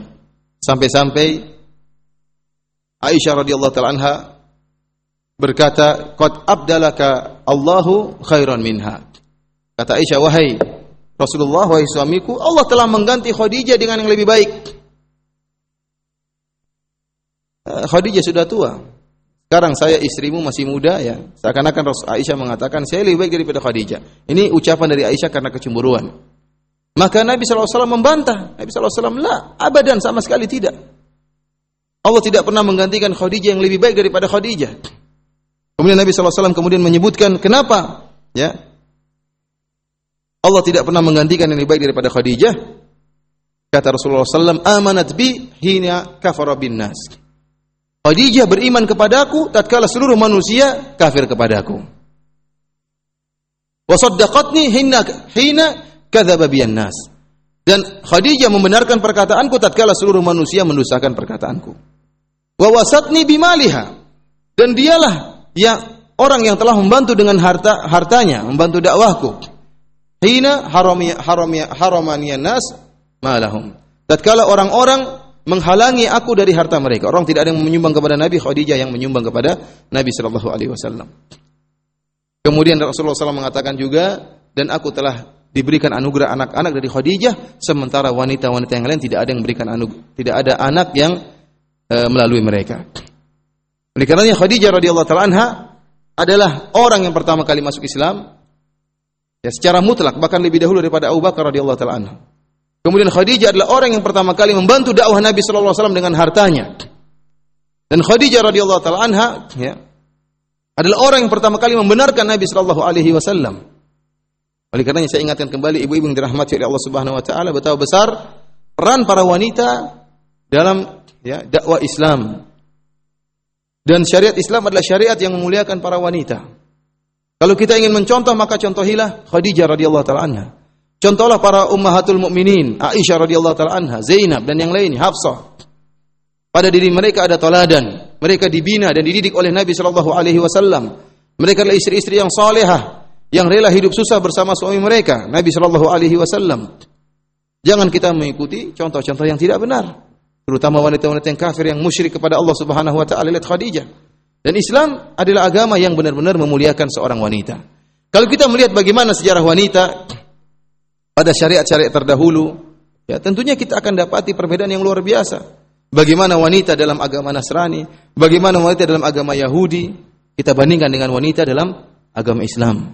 Allah Subhanahu wa taala ya, memuliakan para wanita. Oleh karena dalam Al-Qur'an kita dapati ada surat An-Nisa. Surat apa? An-Nisa yang artinya surat surat An-Nisa para wanita. Tidak ada surat Ar-Rijal tidak ada. Tidak ada. Surat penuh dengan hukum-hukum. Allah muliakan para wanita. Allah Subhanahu wa taala ya, ya menyatakan tentang para wanita litaskunu ilaiha. Wa min ayati anna khalaqalakum min anfusikum azwajan litaskunu ilaiha. Dan di antara tanda-tanda kebesaran Allah Subhanahu wa taala Allah menciptakan bagi kalian para lelaki istri-istri yang kalian akan tenang dengan istri-istri tersebut. Dalam ayat yang lain kata Allah Subhanahu wa taala, "Hunna libasul lakum wa antum libasul lahun." Para wanita merupakan pakaian kalian wahai para lelaki. Oleh karenanya wanita disebutkan oleh Allah sebagai ketenangan. Seorang suami butuh ketenangan. Seorang suami jika mendapati istri yang soleh maka itu surganya di dunia. Oleh karenanya di antara tafsiran para ulama dalam doa Rabbana atina fid dunya hasanah wa fil akhirati hasanah termasuk doa yang paling sering diucapkan oleh Nabi sallallahu alaihi wasallam. Ya Allah berikanlah kepadaku hasanah di dunia, kebaikan di dunia dan berikanlah kepadaku anugerahkanlah kepadaku hasanah di akhirat. Hasanah di akhirat adalah surga. Apa yang dimaksud dengan hasanah di dunia? Di antara tafsiran para ulama adalah al-mar'atu salihah, istri yang salihah. Wa khairu mata'id dunya al-mar'atu salihah. Sebaik-baik perhiasan dunia adalah seorang wanita yang salihah. Allah Subhanahu wa taala menyebutkan bahwasanya ganjaran kebaikan di akhirat adalah surga dan kebaikan di dunia adalah wanita salihah. Menunjukkan keberadaan wanita salihah itu sangat penting bagi kehidupan seorang lelaki. Memberi ketenangan kepada suaminya, memberi motivasi kepada suaminya. Ini suatu kebahagiaan surga yang dirasakan oleh seorang suami tatkala mendapatkan istri yang yang soleha. Apalagi istrinya istrinya itu adalah sebagaimana Khadijah, cantik rupanya, kemudian cerdas otaknya, kemudian akhlaknya mulia, kemudian beruang, eh, apa berduit. Nah, ini ya, luar biasa ya. Wanita super soleha. Ya. Tapi kalau sudah buruk rupa, cerewet, kemudian tukang ngomel, ya, goblok, sok pinter, subhanallah. Ini luar biasa juga ini azab dan siksaannya. Oleh karenanya seorang wanita bisa jadi surga bagi seorang suami dan bisa jadi neraka, jahanam bagi seorang suami di di dunia. Sampai-sampai lihat bagaimana di antara tafsiran para ulama wa rabbana atina fid dunya hasanah. Ya Allah berikanlah kepada kami kebahagiaan di dunia, kebaikan dunia. Artinya wanita yang yang soleha. Allah menamakan para wanita hunna libasul lakum. Para wanita adalah pakaian bagi laki-laki. Kita tahu maksud begitu adalah takbir ungkapan Allah Subhanahu wa taala bagaimana butuhnya seorang laki terhadap wanita. Bayangkan seorang laki kalau tidak tidak punya pakaian ya. Perkara yang menghinakan. Sampai Allah namakan wanita adalah pakaian bagi laki. Kenapa butuh kedekatan? Seorang laki butuh dengan wanita. Oleh karena Allah Subhanahu wa taala juga memuliakan bagaimana seorang wanita tatkala menjadi ibu. Wa qadha rabbuka alla ta'budu illa iyyah wa bil walidaini ihsana. Ya. Dan tatkala Rabbmu ya, memutuskan bahwasanya tidak boleh kalian menyembah kecuali kepada Allah dan berbaktilah kepada kedua orang tua. Wajib bagi kita berbakti kepada ayah dan ibu dan ibu lebih diutamakan.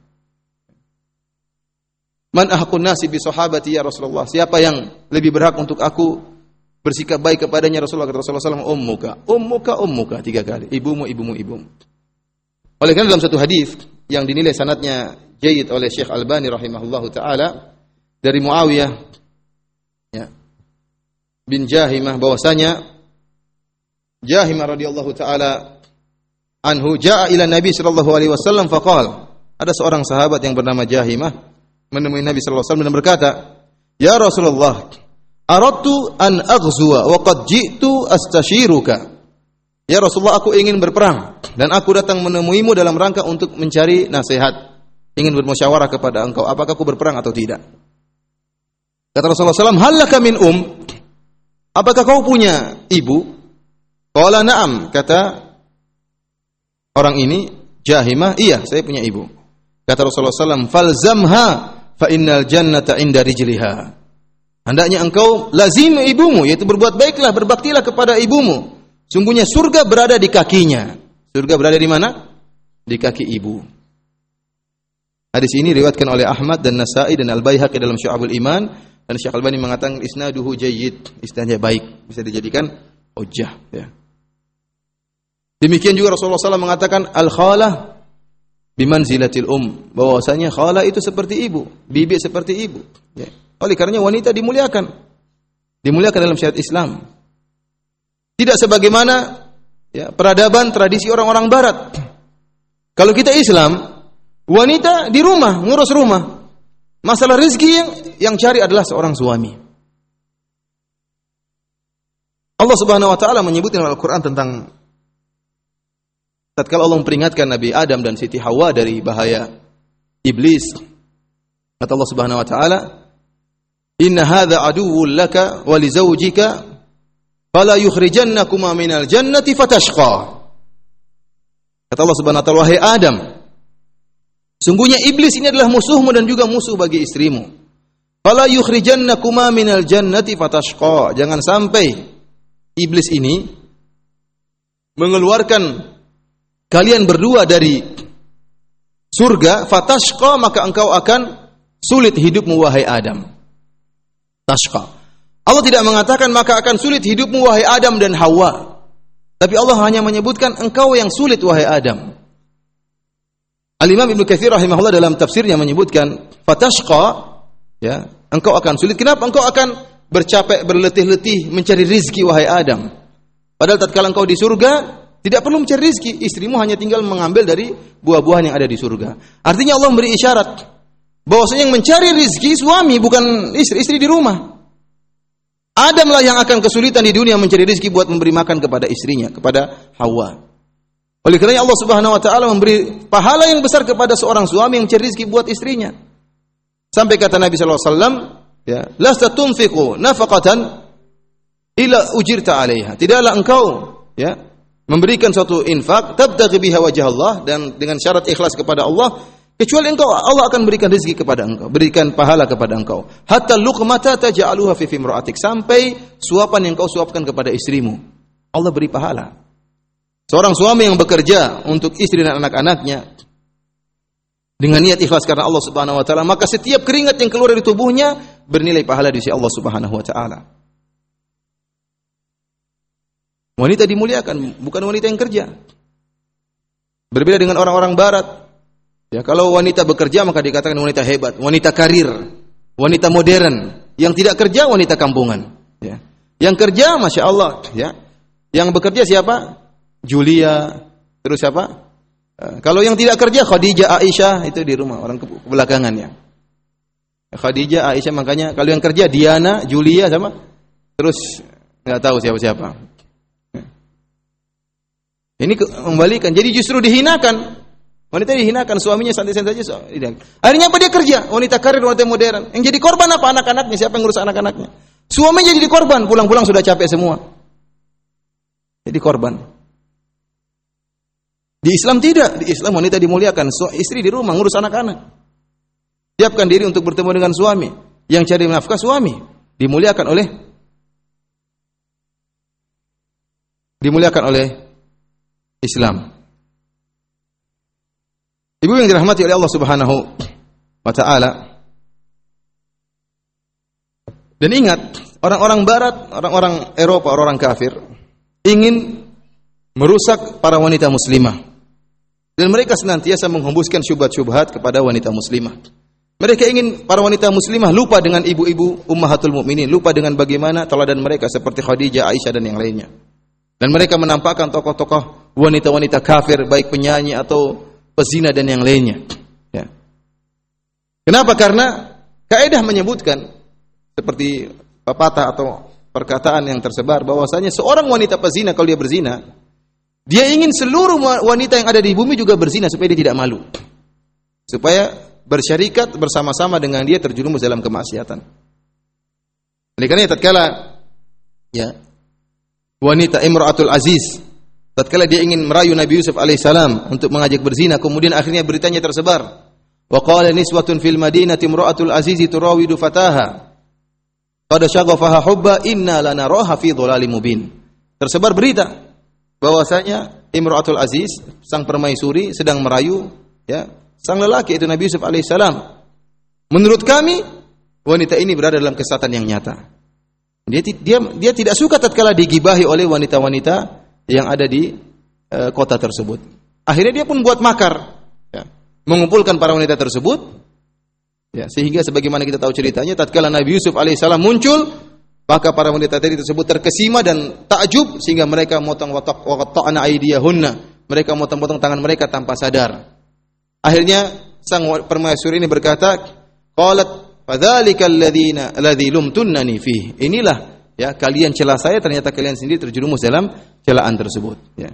Dia ingin bahwasanya ya bahwasanya bukan cuma dia yang bersalah tapi seluruh orang juga bersalah. Oleh karenanya tatkala wanita pezina cemburu melihat bagaimana wanita muslimah yang berhijab hidup bahagia ya terjaga ya disanjung oleh suaminya maka dia cemburu. Dia tidak menemukan lelaki yang hanya yang menyanjung dia. Lelaki hanya datang kemudian melepaskan hajatnya kemudian pergi mencari wanita. Tidak ada harganya di sisi sang lelaki yang berzina dengannya. Hanya dibayar kemudian selesai.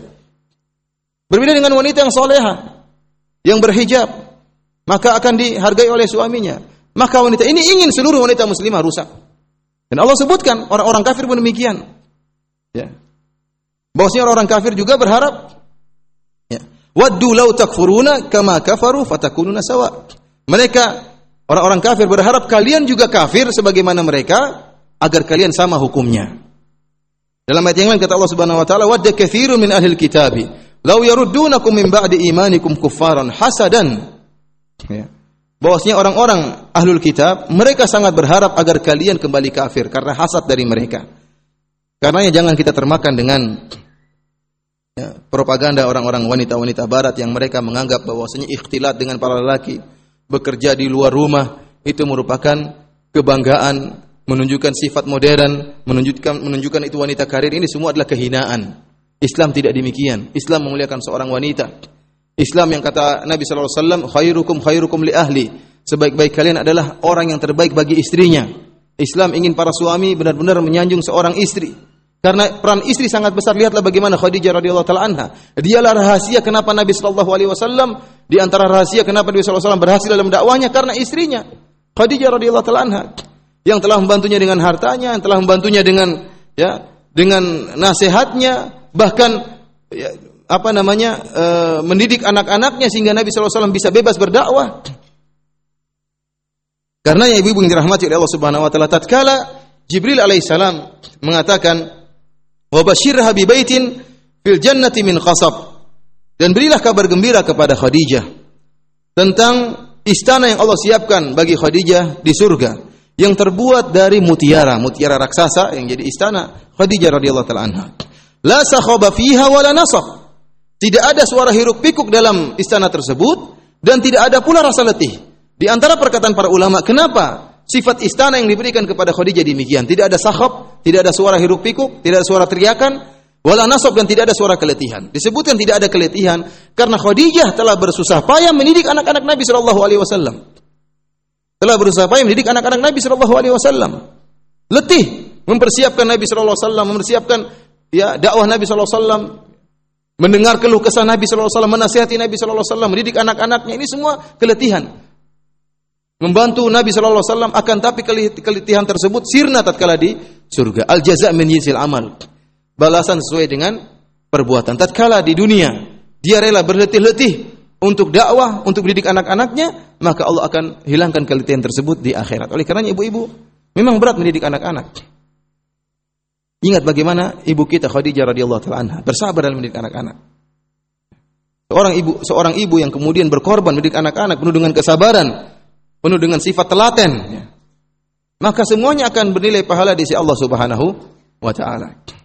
Akan tapi jika seorang ibu tidak tidak sabar, ya teriakan terdengar di sana sini, ya. Anak-anak jadi ketakutan ya. Malah sampai saya pernah ngisi pengajian di suatu tempat baru-baru saja. Sampai karena ibunya suka marah-marah, anaknya tiap hari jadi bulan-bulanan ya. Sang anak akhirnya datang menemui ibunya. Ini kenyataan. Dia mengatakan, Bu, kalau mau bunuh saya, bunuh saja, Bu. Saya begitu. Ya. Oleh karenanya kita bersabar dalam didik anak-anaknya. Karena anak-anak buah hati kita. Kita bercapek-capek sedikit. ya Nanti anak-anak kita yang merasakan hasilnya. Anak-anak kalau jadi anak yang soleh. Tatkala kita sudah tua, siapa yang menghargai kita? Siapa yang menolong kita? Anak-anak kita. Oleh karena sangat sedih tatkala kita melihat orang sudah tua, masih kerja keras. Di mana anak-anaknya? Di mana putranya? Di mana putrinya? Sudah tua renta masih bekerja keras, tidak mengenal lelah. Ibu yang dirahmati Allah Subhanahu wa taala, di antara sifat istana yang Allah sediakan bagi Khadijah la saghab, tidak ada suara hiruk pikuk. Para ulama menyatakan karena Khadijah ya, tidak pernah mengangkat suaranya.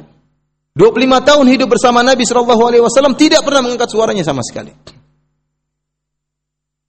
Apakah ada wanita seperti itu di zaman sekarang? Wanita bisu seperti itu yang tidak pernah mengangkat suaranya di hadapan su suaminya. Mereka mengatakan Rasulullah SAW tidak perlu mengangkat suara untuk memerintah istrinya. Tidak perlu bu, tidak perlu teriak. Hanya ngomong langsung didengar. Ini sifat Khadijah radhiyallahu taala Sebagian orang suaminya sudah mencak-mencak, sudah teriak-teriak, istrinya balas teriak lebih keras dengan suara yang lebih keras.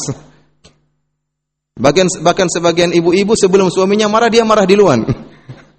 Biar suaminya langsung kau waduh daripada saya marah-marah, belum dimarah saja sudah marah-marah apalagi sudah marah. Oleh ibu-ibu ya bersabar dalam ya menghadapi namanya suami punya banyak kesalahan. Ya dua-duanya dituntut. Suami punya hak, para istri juga punya hak ya, tapi kita ingat bahwasanya kita sedang berbicara tentang hak-hak suami.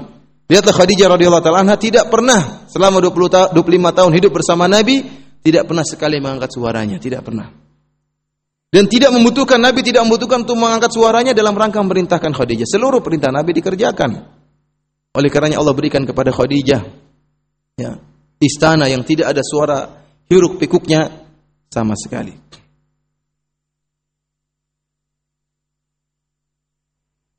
Ibu yang dirahmati oleh Allah Subhanahu wa taala.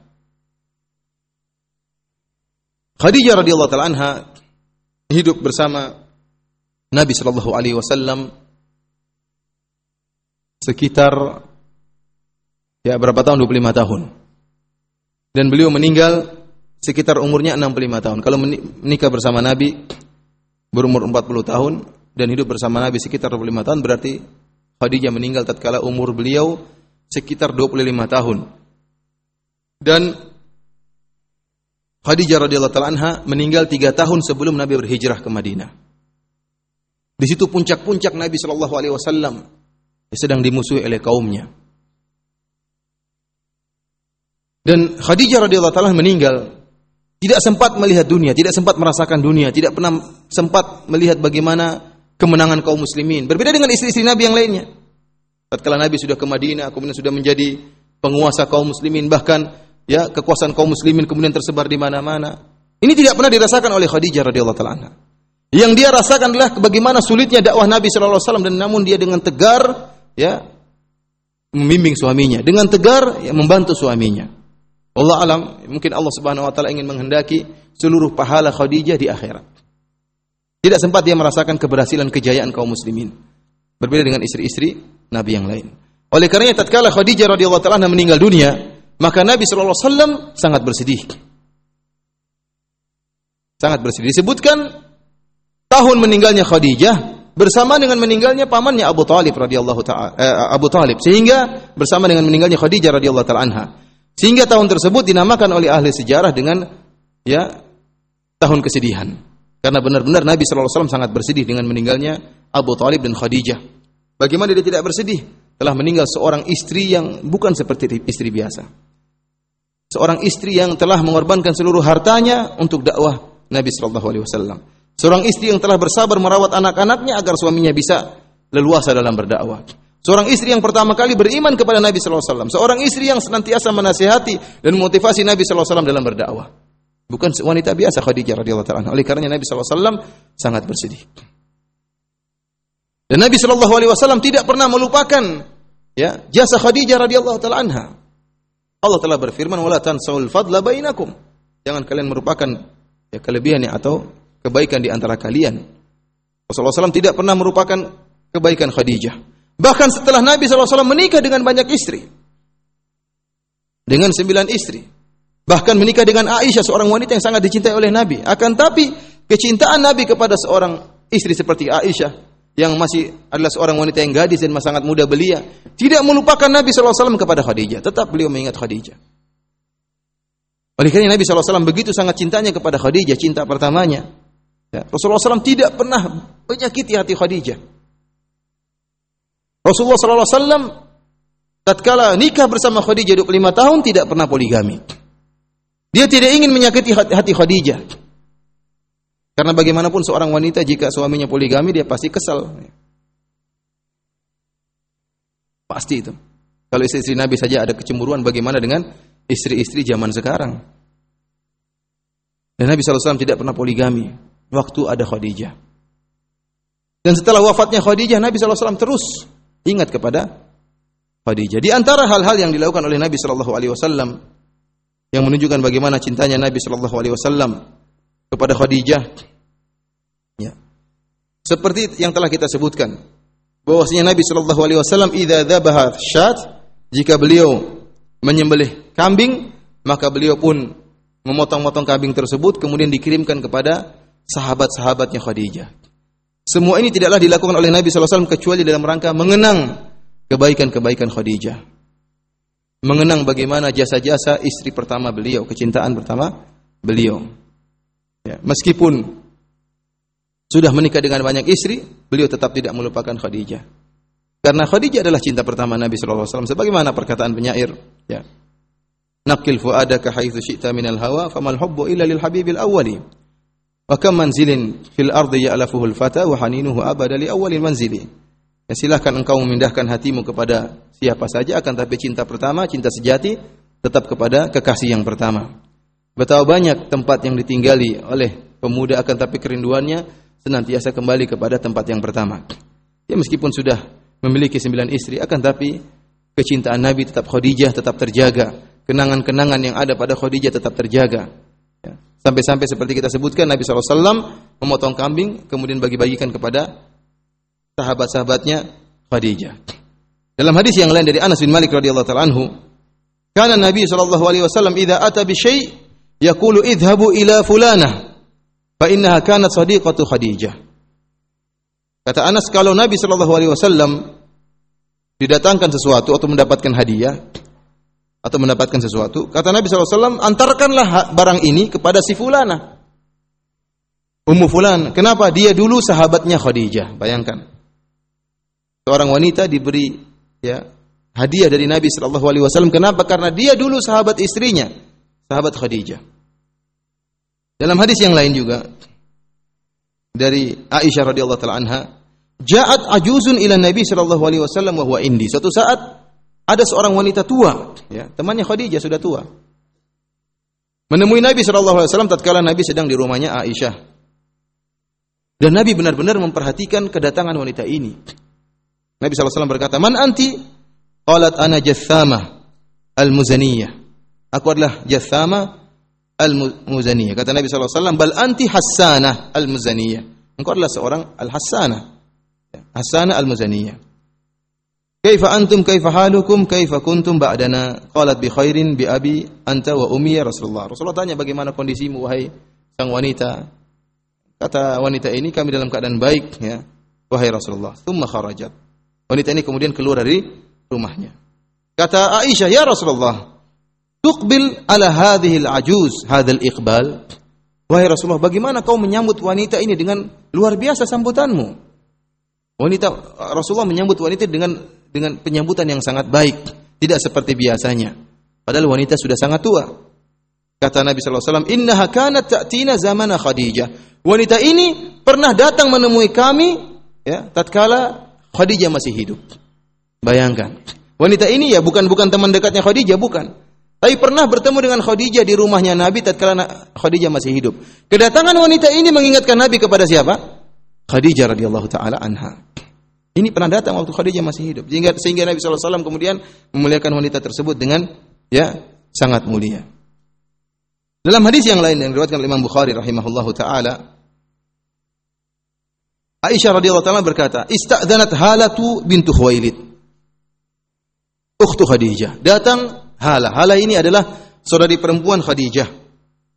Ya. Dia datang minta izin kepada Nabi sallallahu alaihi wasallam. Fa'arafa isti'dzana Khadijah farta'a lidzalik. Faqala Allahumma halah. Nabi tatkala mendengar suaranya halah, Nabi ingat Khadijah karena saudari perempuannya Khadijah, mirip suaranya mirip dengan suara Khadijah. Fartah Farta ali dalik. Rasulullah SAW kemudian sangat gembira tatkala mendengar suara dari saudarinya Khadijah Halah bintu Khuwailid. Dan ini mengingatkan Rasulullah SAW kepada istri pertamanya Khadijah. Kata Nabi Allahumma halah. Yang artinya kata para ulama, ya Allah, itu halah itu. Saudarinya Khadijah. Sampai-sampai kata ya, Aisyah radhiyallahu taala anha, Faghirtu faqultu ma tadhkuru min ajuzin min ajaizi Quraisy hamra'i sidqain halakat fid dahr qad abdalaka Allah khairan minha. Ya. Tatkala Rasulullah SAW bergembira dengan datangnya halah yang mengingatkan Rasulullah kepada Khadijah karena suaranya yang sama, maka Aisyah pun cemburu ya, karena Rasulullah SAW sering menyebut Khadijah dan kata Aisyah radhiyallahu "Kenapa engkau menyebut tentang seorang wanita tua, seorang nenek tua yang sudah tidak ada giginya ya?" Yang sudah meninggal dunia, ya. Allah telah menggantikan yang lebih baik. Rasulullah saya bilang tidak. Allah tidak pernah menggantikan Khadijah dengan yang lebih baik. Dia telah begini, telah begini, telah begini sebagaimana hadis yang telah kita sebutkan. Intinya ibu-ibu yang dirahmati oleh Allah Subhanahu wa taala meskipun Khadijah telah tiada, Rasulullah SAW tidak pernah melupakan kekasih pertamanya tersebut. Betapa banyak perjuangan yang telah ya diberikan oleh sang istri. Dan sebelum saya tutup kajian kita ini saya akan sebutkan tentang kisah ya sebuah kalung yang mengingatkan Nabi Shallallahu Alaihi Wasallam tentang Khadijah.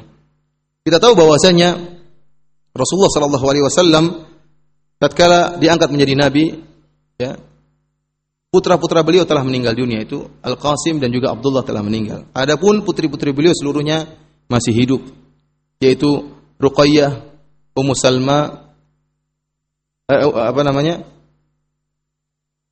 Ummu apa? Ummu Kalsum, Ummu Kalsum, kemudian uh, Zainab dan Fatimah. Empat-empatnya putri-putri Nabi Shallallahu alaihi wasallam. Tatkala Nabi diangkat menjadi nabi, mereka semua masuk Islam. Akan tapi sebelum Nabi menjadi nabi, sebelum diangkat menjadi nabi, ternyata sebagian ya putri-putri Nabi sudah menikah. Di antara putri-putri Nabi yang menikah adalah Ruqayyah. Menikah dengan putranya Abu Lahab. Putranya siapa? Abu Lahab. Di zaman jahiliyah menikah. Demikian juga Zainab menikah dengan Abul As di zaman jahiliyah. Sehingga tatkala Nabi mulai berdakwah dan tatkala itu belum turun syariat bahwasanya seorang wanita muslimah harus dipisahkan dari suaminya yang musyrik, belum. Sehingga meskipun Nabi sudah diangkat menjadi nabi, pernikahan antara putri-putrinya dengan orang musyrik masih berlanjut. Ruqayyah masih berlanjut dengan putra-putranya Abu Lahab dan Zainab masih berlanjut dengan Abu As. Maka orang-orang musyrikin pun membuat makar sebagaimana disebutkan oleh Ibnu Ishaq dan juga Ibnu Katsir dalam Bidayah wa Nihayah. Maka mereka mengatakan nusgiluhu bibanatihi. Kita bikin Muhammad pusing dengan putri-putrinya. Biar dia sibuk ngurus putri-putrinya supaya tidak usah berdakwah. Bagaimana caranya? Kita suruh suami-suaminya menceraikan putri-putrinya. Maka mereka pun datang menemui putranya Abu Lahab. Ya, Abu Lahab ini keluarga yang sangat binasa. Suaminya binasa, istrinya kurang ajar, anaknya pun kurang kurang ajar ya. Padahal paman Nabi Shallallahu Alaihi Wasallam. Akhirnya mereka mengatakan kepada putranya Abu Lahab, ceraikan putrinya Muhammad. Dia bilang, saya akan ceraikan, tapi saya punya syarat. Nikahkan saya dengan wanita fulana. Kau ceraikan putrinya Muhammad, kami akan berikan harta dan berikan wanita mana saja yang kau pilih. Akhirnya dia setuju putranya Abu Lahab. Saya ingin kau nikahkan saya dengan fulana. Itu salah seorang wanita dari wanita di kota Mekah. Akhirnya dia pun menceraikan putri Nabi Ruqayyah atau Ummul Kalthum. Disebutkan oleh para ahli sejarah, perceraian tersebut ya sebelum malam pertama antara uh, Ruqayyah dengan putranya Abu Lahab. Jadi nikah dulu namun belum belum ngumpul. Sebelum ngumpul sudah diceraikan. Dan Allah Subhanahu wa taala menggantikan putra Abu Lahab dengan Utsman bin Affan. Akhirnya yang menikahi Ruqayyah adalah Utsman bin Affan radhiyallahu taala anhu. Adapun suaminya Zainab Abul As maka Abu As pun didatangi oleh kaum kaum, kaum musyrikin. Dan mereka mengatakan, wahai Abu As, jika kau mau menceraikan putrinya Muhammad, Zainab, maka kami akan berikan engkau harta dan silahkan kau pilih wanita siapa saja dan kami akan menikahkan engkau dengan wanita tersebut. Abu As tidak mau. Tidak mau menceraikan Zainab.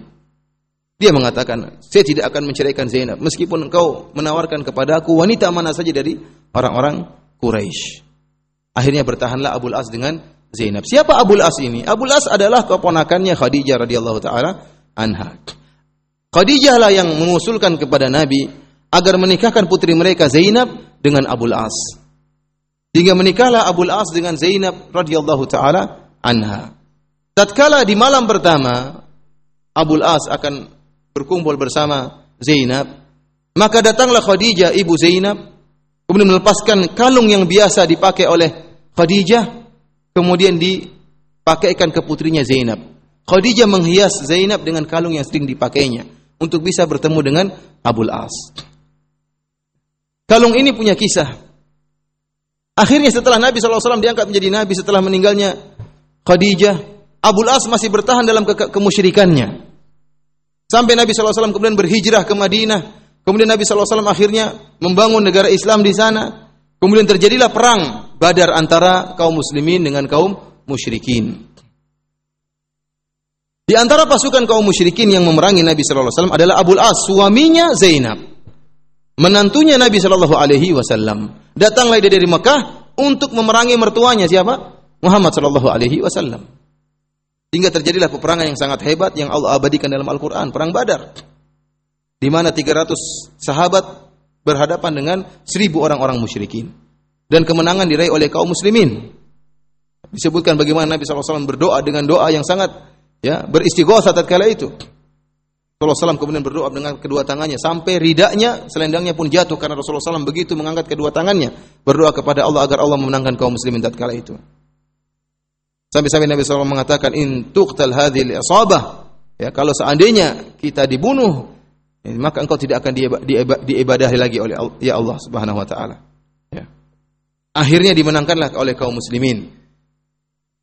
Banyak yang meninggal tatkala itu di antara pembesar-pembesar kaum Quraisy. Akan tapi sebagian orang-orang Quraisy, sebagian orang-orang musyrikin, ada yang ditawan. Di antaranya Al-Abbas, paman Nabi SAW yang masih musyrik tatkala itu ditawan oleh Nabi SAW. Di antaranya Abul As. Abul As tidak meninggal dalam perang Badar, tapi ditawan dalam perang Badar. Akhirnya tatkala terjadi khilaf di antara Nabi SAW dengan para sahabat tentang masalah ini. Apakah tawanan ini kita bunuh semua atau bagaimana? Sampai akhirnya keputusan yang ada yaitu tidak dibunuh tetapi di ya ditebus boleh ditebus Ada orang-orang musyrik yang ingin menebus saudara saudara-saudara mereka di yang ditawan oleh Nabi SAW maka dengan membayar. Ada yang dibayar dengan 4000 dinar, ada yang dengan ratusan dinar, ya ditebus. Al-Abbas ditebus, yang lain juga ditebus. Abul As bagaimana? Tidak ada yang menebusnya kecuali Zainab. Zainab ya yang tinggal di Mekah dalam keadaan miskin. Akhirnya Zainab radhiyallahu taala anha ya, tatkala menebus Khadijah radhiyallahu eh, tatkala menebus suaminya Abdul As ya sebagaimana disebutkan oleh Aisyah radhiyallahu taala anha lamma ba'atha ahlu Makkah fida'a usrahum asrahum ba'athat Zainabu fi fida'i Abil As bimalin wa ba'athat fihi bikiladatin laha kanat inda Khadijah maka Zainab pun ya, mengirim harta sebagian harta untuk menebus suaminya dan dia diletakkan di harta tersebut dia letakkan kalung yang merupakan pemberian ibunya Khadijah untuk menebus suaminya Abul As. Falamma ra'aha Rasulullah sallallahu alaihi wasallam raqqalaha riqqatan syadidah. Tatkala Nabi sallallahu alaihi wasallam melihat kalung tersebut, ternyata kalung istrinya Khadijah, maka Rasulullah SAW pun sangat sedih karena mengingatkan Nabi sallallahu alaihi wasallam kepada istri pertamanya. Akhirnya Nabi sallallahu alaihi wasallam berkata kepada para sahabat, "In ra'aitum an tutliqu laha asiraha, ya, wa taruddu laha." Kalau kalian mau Kata Nabi SAW, tolong lepaskan Abul As dan kembalikan kepada istrinya Zainab. Dan kembalikan harta ini kepada Zainab. Akhirnya para sahabat setuju. Jadi harta yang tadinya digunakan untuk menebus Abul As dikembalikan kepada Zainab. Di antaranya kalung Khadijah radhiyallahu taala. Yang kita perhatikan di sini bahwasanya Nabi sallallahu alaihi wasallam tatkala melihat kalung tersebut dia ingat kembali kepada istrinya Khadijah sehingga beliau sangat bersedih sebagaimana tuturan Aisyah radhiyallahu taala anha. Akhirnya Rasulullah SAW pun mempersyaratkan agar tatkala Abul As dikembalikan ke Mekah maka Zainab dibawa ke Madinah. Akhirnya Zainab pun dibawa ke Madinah, Abul As dikembalikan ke ke kota Mekah. Kemudian Abul As masih berada dalam kemusyrikannya. Namun tidak lama kemudian Abul As pun akhirnya masuk Islam. Dari pernikahan Abul As dan Zainab inilah uh, lahirnya seorang putri yang bernama ya Umamah. Umamah bintu Abil As, dialah Eh, wanita kecil atau putri kecil yang pernah digendong oleh Nabi Shallallahu Alaihi Wasallam tatkala Nabi Shallallahu Alaihi Wasallam sholat putrinya Abul Abul As. Demikianlah para hadirin dan hadirat yang dirahmati oleh Allah Subhanahu Wa Taala. Kajian kita pada hari ini tentang sejarah Khadijah radhiyallahu taala anha cinta pertama Nabi Shallallahu alaihi wasallam. Tidaklah kita membawakan cerita ini kecuali agar ibu-ibu sekalian bisa mengambil faedah dari bagaimana akhlak dan perjuangan Ummul Mukminin istri pertama Nabi Shallallahu Alaihi Wasallam dan perlu kita ingat bahwasanya keberhasilan seorang suami ya di antaranya kesuksesan, kunci kesuksesan mereka adalah bagaimana sikap istri terhadap istrinya terhadap sang suami. Jika istrinya senantiasa membantu ya, berkorban demi suaminya maka suaminya akan berhasil tentunya dengan taufik dari Allah Subhanahu wa taala. Ingatlah sifat-sifat Khadijah tersebut dan berusaha untuk meneladani sifat-sifat Khadijah tersebut. Semoga sebagaimana Khadijah ya diberi ganjaran istana di surga, demikian juga ibu-ibu sekalian diberikan ganjaran istana di surga yang telah rela untuk melayani suami-suami ibu-ibu dengan baik. Allah taala alam bisawab. Kalau ada yang bertanya, saya persilahkan. Hotel Islam, Saudara Kusiman Sakidah, para pendengar di Roja dan pemirsa TV Roja di mana pun Anda. Demikianlah tadi telah disampaikan oleh Ustadz Firanda Andirja mengenai uh, beberapa kisah tentang istri Rasulullah Shallallahu Alaihi Wasallam yang pertama yaitu Khadijah dan pembahasan kita di kesempatan kali ini mengenai kisah cinta ada pertama Nabi pertanyaan, ada juga kita surat, akan masuk pada sesi tanya jawab. Langsung saja kita bergabung kembali dengan Masjid Al Barakah dari studio. Kami ucapkan selamat ikuti. Kita bacakan Allah alam jawabannya bisa atau tidak ya. Kalau tidak bisa tanyakan kepada ustaz yang lainnya. Assalamualaikum warahmatullahi wabarakatuh. Waalaikumsalam warahmatullahi wabarakatuh. Bismillahirrahmanirrahim. Ustaz tulisan ini tergores lebih dari tinta pena. Melainkan dari tinta hati. Kami para istri sabar ditinggal suami menuntut ilmu ke luar negeri selama bertahun-tahun. Sabar dalam merawat anak-anak mereka dan sabar dalam rizki. Namun saat suami sudah kembali ke tanah air, justru seperti lupa terhadap perjuangan tersebut. Tidak menunggu waktu lebih dari tiga bulan, suami diam-diam ingin ta'adud. Sampai akhirnya terjerumus dalam kemaksiatan hati dan jasmani. Qadarullah ta'adud tidak jadi. Namun hati ini sudah terlanjur tersakiti. Bagaimana cara maafkan suami? Dan menjaga hati agar tetap tulus dan ikhlas dalam menjalankan kewajiban sebagai istri. Ya bersabar,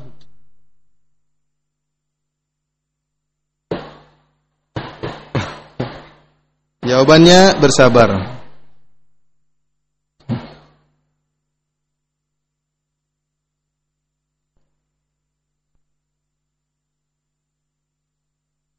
Tentunya ya sebagaimana seorang istri dituntut untuk menjadi seperti Khadijah, seorang suami juga dituntut untuk meneladani Rasulullah sallallahu alaihi wasallam. Suami yang benar tidak hanya menuntut istrinya jadi Khadijah, ya. Tapi dia juga berusaha untuk mencontohi Rasulullah wasallam, tidak lupa dengan jasa-jasa istri. Ya, tidak hanya memikirkan kesenangan hawa nafsunya. Tapi kenyataannya demikian. Justru dia tatkala menuntut ilmu, dia mengetahui pentingnya poligami. Sehingga akhirnya dia poligami dan lupa dengan sunnah-sunnah yang lain. Oleh karena istri yang mengalami kondisi seperti ini, tidak ada yang bisa dilakukan kecuali bersabar dan mendoakan suaminya agar bisa ya adil dalam menjalankan kewajibannya dan agar tidak dipermalukan oleh Allah pada hari kiamat berjalan dalam keadaan miring.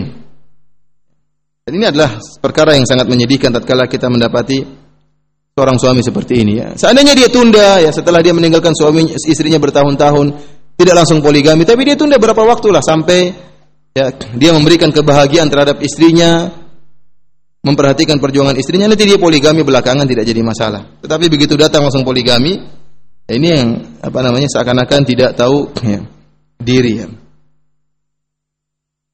Yang lebih parah terkadang seorang suami menikah dengan seorang istri, biaya pernikahan ditanggung istrinya, istrinya sampai apa namanya, padahal ada lelaki lain yang kaya raya ingin melamar istri, istri tidak mau karena ingin cari lelaki yang jenggotan, dia rela berkobar meninggalkan semuanya. Ya begitu nikah di poligami langsung ya. Ini lihat kondisi ya. Tidak poligami merupakan sunnah yang mulia. Tetapi lihat kondisi dan situasi dan kita berharap para suami bisa tatkala poligami bisa menjalankan sunnah-sunnah Nabi dan bisa uh, menunjukkan bahwasanya saya adalah seorang lelaki yang adil ya. Ustaz terkadang seorang istri enggan untuk melayani suaminya, mohon nasihatnya. Ya, istri seperti adalah istri yang durhaka kepada suaminya. Ya. Terutama kalau sudah masalah ranjang ya. Saya katakan bahwasanya melayani suami dalam masalah ranjang perkara yang sangat urgen. Ini sudah sering saya sampaikan. Ya, bahwasanya pahala seorang istri bukan hanya sekedar baca Quran, bukan hanya puasa, melayani suami, memperhatikan kebersihan tempat tidur, membersihkan tempat tidur dari apa namanya kecoa, dari apa namanya kutu busuk, ini dapat pahala. Ya. Berhias di hadapan suami dapat pahala karena di antara tujuan pernikahan kata Nabi SAW wa aghaddu lil basar wa ahsanu lil farj. Karena pernikahan bisa menundukkan pandangan dan lebih menjaga kemaluan. Tapi kalau suaminya pulang ke rumah kemudian melihat istrinya ada amburadul, tempat tidurnya ada tikusnya, ada suara kecoaknya, bagaimana dia berhasrat dengan istrinya? Bagaimana dia bisa menundukkan pandangannya? Bagaimana dia bisa menjaga kemaluannya? Seorang istri tatkala sadar bahwasanya di antara tujuan pernikahan adalah menjaga kemaluan dan menundukkan pandangan, maka dia akan berusaha melayani suaminya. Dapat pahala, ingat. Seorang istri berhias, cari baju tidur yang bagus, ya. Kemudian cari minyak wangi yang bagus, ya. Di rumah pakai minyak wangi terserah, ya. Bila perlu bersolek di hadapan suami, semua ini dapat pahala. Berusaha menguruskan badan, juga dapat pahala. Siapa bilang tidak dapat pahala? Dapat pahala menguruskan badan.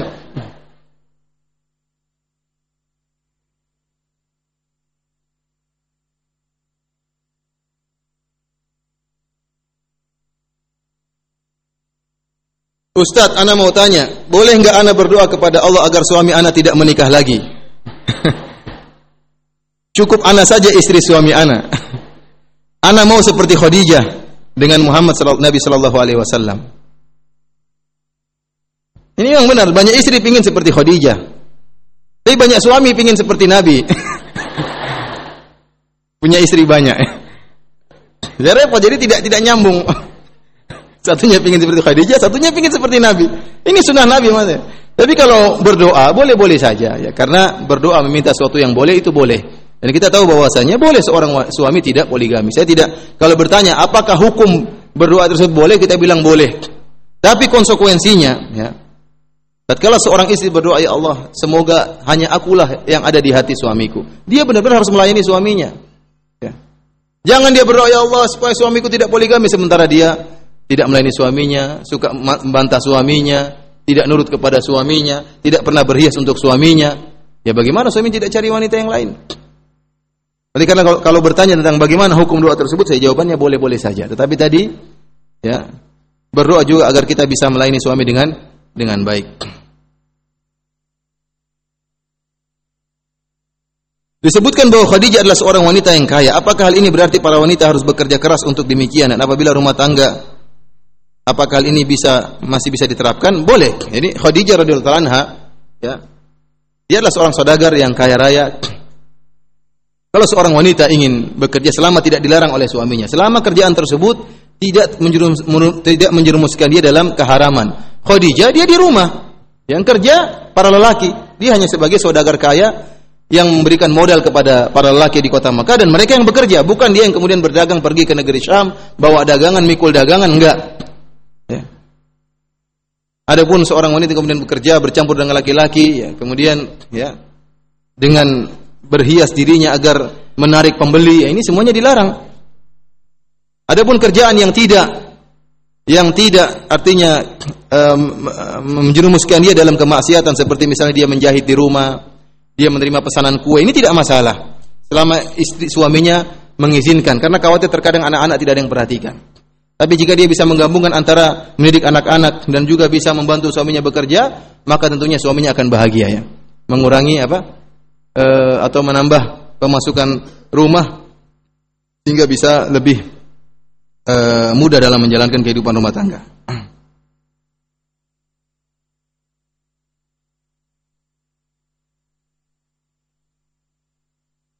Apabila seorang istri sudah tidak kuat lagi mendampingi suami, karena tidak memberikan nafkah dan bermalas-malasan.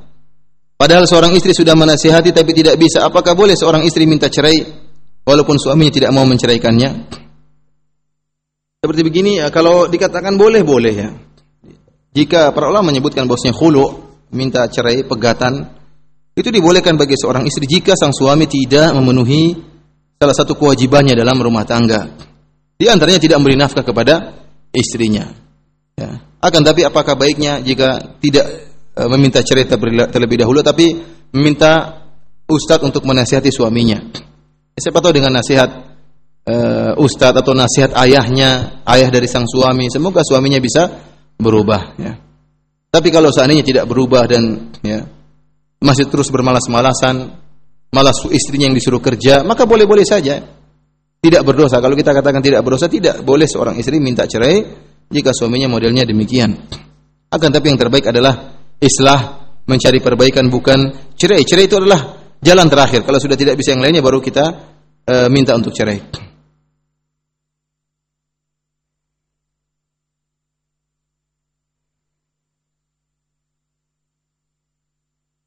Bagaimana menyikapi suami yang tetap ingin poligami? Sedangkan ekonomi kami saja masih sulit. Dan dengan berpoligami yang pertama saja tidak baik. Mohon nasihatnya. Saya sering sampaikan bahwasanya ya eh, hendaknya suami juga tahu diri ya. Tatkala ingin poligami, lihat kondisi ekonomi. Kalau Nabi Shallallahu Alaihi Wasallam mengatakan dalam hadis, ya, ya ma'syar syabab man istata'a minkumul ba'a falyatazawwaj. Wahai para pemuda, barang siapa di antara kalian memiliki kemampuan, baik kemampuan berjima maupun kemampuan ekonomi, dan kalau kita perhatikan syarah para ulama, penjelasan para ulama tentang hadis ini, semuanya kembali kepada kemampuan ekonomi. Kenapa? Karena kemampuan berhubungan semua lelaki mampu rata-rata. Yang jadi masalah tinggal kemampuan ekonomi. Ini yang jadi perhatian. Kalau mampu punya kemampuan ekonomi maka menikahlah. Ini khitab ini Rasulullah SAW sebutkan hadis ini tentang orang yang belum menikah dan mau menikah. Artinya mau menikah istri pertama. Untuk menikah istri pertama saja harus diperhatikan ekonominya. Apalagi menambah istri berikutnya. apalagi menambah istri berikutnya. Ya. Oleh karena jangan sampai kita nekat berpoligami akhirnya menelantarkan dua istri kita. Karenanya saya kemarin pas Allah alam bisawab ya tatkala saya mengunjungi, saya sering pernah sampaikan tatkala saya uh, ke Singapura ya, Singapura pada tempat kesempatan yang lalu, saya sempat bertanya tentang masalah ini karena ada sebagian teman yang ingin poligami, bukan saya ya, tapi teman saya. Akhirnya saya bertanya-tanya, bagaimana poligami di sini di Singapura? Maka dia cerita bahwasanya di sini kita ada seperti majelis ulama. Kalau ada yang poligami, maka akan diutus suatu tim untuk menilai harta yang dimiliki oleh laki ini. Maka didata. Didata berapa, mobilnya berapa, rumahnya berapa, utangnya berapa, didata semuanya. Kemudian setelah itu jadi ternyata dilihat oh hartanya cukup, orang ini miliarder, berarti berhak untuk poligami. Orang ini punya utang satu miliar, tidak berhak untuk poligami. Setelah dilihat ternyata uangnya banyak, maka tahapan berikutnya diutuslah utusan menuju ke istrinya, ditanya, "Bagaimana kondisimu selama hidup bersama suamimu?" Apakah tentram-tentram saja ataukah dia selama ini tidak mempedulikan engkau, anak-anak tidak diurus, nafkah tidak dikasih? Kalau ternyata tidak diurus anak dan istrinya, maka diharamkan poligami tatkala itu oleh majelis ulama di sana. Tetapi kalau ternyata suaminya selama ini baik, kemudian memberikan e, nafkah kepada istrinya, anak-anak sekolahnya beres, ya, harta berkecukupan, maka tatkala ditanya istrinya bagaimana suamimu? Oh suami saya kurang ajar dia dia bohong sang istri. Maka di di, di, di cross check, dicek. Kalau ternyata istrinya bohong, suaminya yang benar, maka suaminya boleh poligami meskipun istrinya melarang. Ini saya pernah tanya Allah alam tentang kebenaran ceritanya. Ya. Allah alam ya. Kalau memang ini adalah uh, benar maka ini baik. Ini merupakan salah satu tindakan pemerintah dalam mencari kemaslahatan ya. Artinya kalau memang masih mampu punya ekonomi mampu maka tidak mengapa poligami. Tapi kalau tidak mampu ya khawatir istri akan ya ditelantarkan sedangkan istri pertama masih tidak perhatikan bagaimana lagi istri yang yang kedua. Yang jadi masalah ada yang pernah tanya, "Ustaz, saya mau menikah istri kedua kaya raya, Ustaz." Untuk membantu istri pertama saya. Kalau ini lain lagi ceritanya.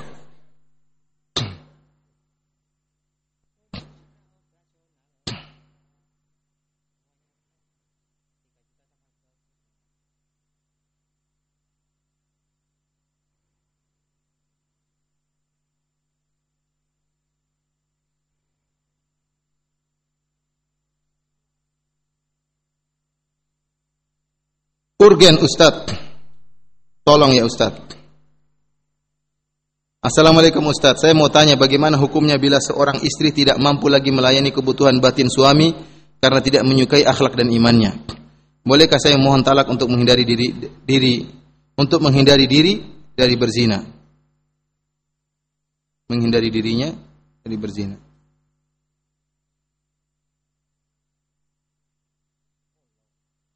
Ibu-ibu ya, jangan sedikit-sedikit minta cerai, jangan sedikit-sedikit minta cerai. Kalau suami masih bisa di masih bisa diperbaiki, ya, dinasehati, diikut suruh ikut pengajian, maka jangan sampai uh, minta perceraian. Apalagi sudah ada anak-anak misalnya. Ya. Lain halnya kalau misalnya kondisinya suami memang sama sangat tidak berakhlak, sangat buruk akhlaknya. Suka memukul misalnya, ini lain cerita. Boleh seorang minta cerai. Tapi kalau ternyata karena akhlak yang buruk ini masih relatif, maksudnya akhlak buruk seperti apa? Harus jelas. Kalau hanya buruk-buruk sedikit tidak menjadi masalah. Tapi kalau buruk-buruk banyak yang jadi masalah.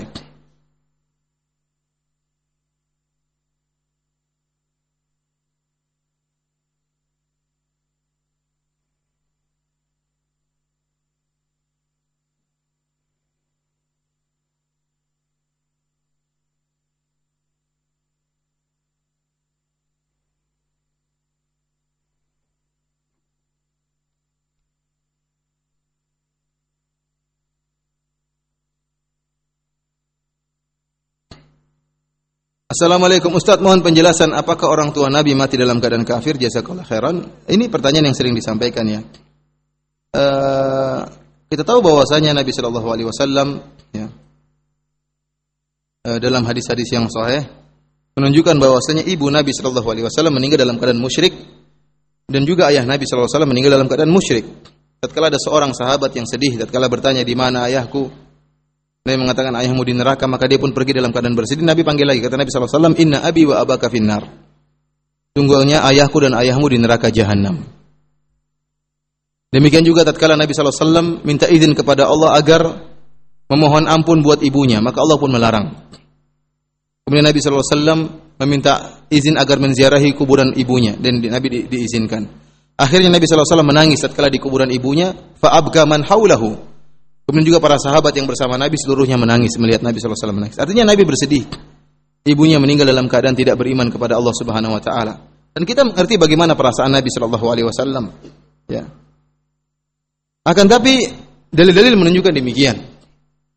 Bahwasanya ada di antara para ambia yang ternyata orang tuanya dalam keadaan kafir kepada Allah. Contohnya Ibrahim, Nabi Ibrahim, ayahnya Azar ya, adalah orang yang musyrik bahkan membuat berhala, menyuruh kepada penyembahan terhadap berhala. Demikian juga para nabi yang lain ada anak-anaknya yang musyrik.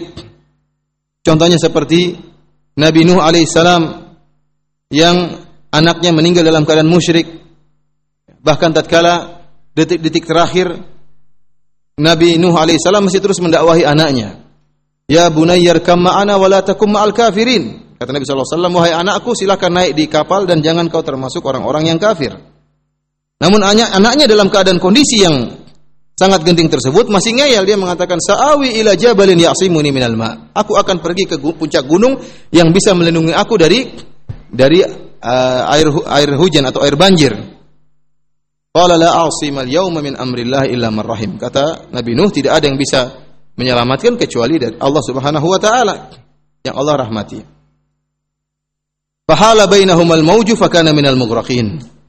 Kata Allah Subhanahu wa taala, akhirnya ada ombak yang menghalangi di antara keduanya, akhirnya anaknya pun meninggal dunia. Demikian juga Nabi Lut. Nabi Nuh istrinya kafir, anaknya kafir. Nabi Lut alaihissalam istrinya kafir. Oleh karenanya ada kerabat-kerabat Nabi yang yang kafir. Contohnya Nabi Muhammad sallallahu alaihi wasallam kakeknya kafir. Abdul Muttalib. Oleh karenanya kakeknya musyrik, menyembah kepada berhala, menyembelih untuk berhala. Oleh karenanya tatkala Abu Talib akan meninggal dunia, maka Abu Jahal agar Abu Talib tetap dalam kesyirikan, Abu Jahal mengingatkan Abu Talib dengan Abdul Muttalib. Kata Abu Jahal, "Atarghabu an millati Abdul Muttalib?" Wahai Abu Talib, apakah kau benci dengan agama bapakmu Abdul Muttalib? Padahal Nabi mengatakan, "Ya ammi la ilaha illallah, kalimatan uhajulaka biha indallah." Wahai pamanku Abu Talib, ucapkanlah kalimat la ilaha illallah, suatu kalimat yang aku akan bela engkau di akhirat kelak. Tapi ada Abu Jahal memprovokasi dan mengatakan atarghabu an millati Abdul Muttalib? Wahai Abu Talib apakah kau benci dengan agama ayahmu? Jadi agama kakek Nabi Abdul Muttalib meninggal dalam keadaan kafir. Ayahnya Abdullah juga meninggal dalam keadaan kafir. Pamannya Abu Talib yang senantiasa membela Nabi Shallallahu Alaihi Wasallam juga meninggal dalam keadaan kafir. Bahkan Allah turunkan dua ayat tentang Abu Talib. Ayat yang pertama firman Allah Subhanahu Wa Taala innaka la tahdi man ahbabta. Sungguhnya engkau tidak bisa memberi petunjuk kepada orang yang engkau cintai Ayat yang lain Allah Subhanahu wa taala berfirman, "Maka lin nabi walladzina amanu ayastaghfiru lil musyrikin walau kanu uli qurba."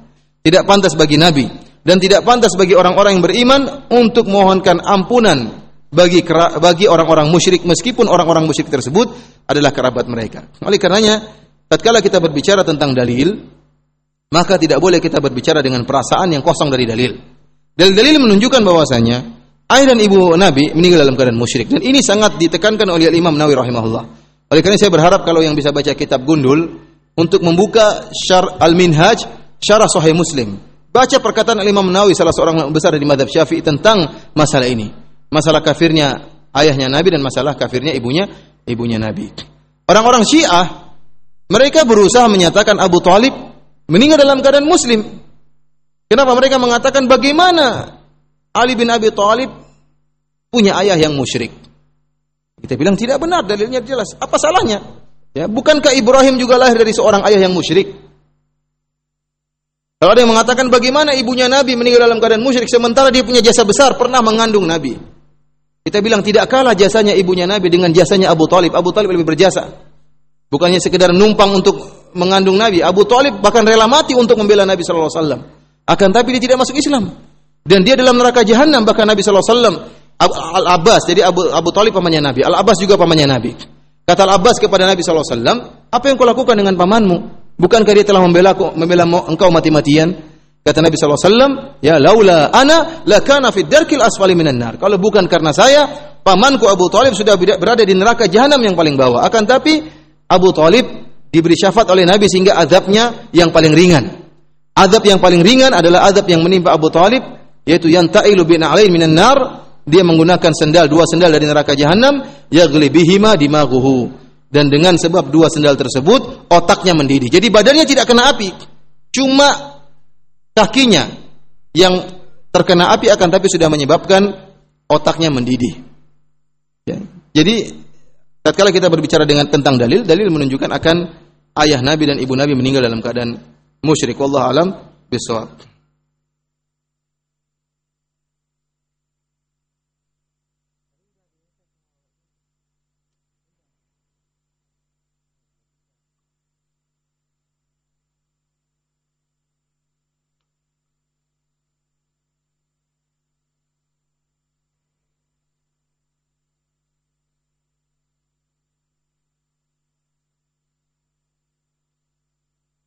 Jika kita tidak boleh muji-muji orang lain, maka bolehkah kita muji anak sendiri agar ia lebih giat belajar dalam berbuat baik? Boleh saja. Tadi kalau pujian tersebut ada manfaatnya, motivasi, ya, maka tidak mengapa. Terutama anak-anak, ya.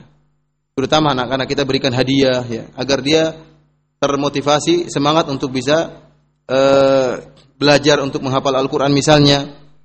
Kita mengatakan kamu cerdas, buktinya kamu dalam waktu sekian jam bisa menghafal satu lembar Al-Quran misalnya dia akan terangkat. Tapi sewaktu waktu yang lain kita harus ingatkan bahwasanya kelebihanmu itu semata-mata dari Allah Subhanahu wa taala. Jangan kamu ujub, jangan kamu bangga. Jadi antara pujian dan antara menasihati harus dikumpulkan. Jangan kita mensikapi anak kita seperti orang dewasa. Kamu harus ikhlas. Hafal Quran tidak boleh harap hadiah. Harus ikhlas kamu. Bantu ibu pun harus ikhlas. Jangan minta jajan. Ya gimana anak? Kasihan anak-anak seperti ini.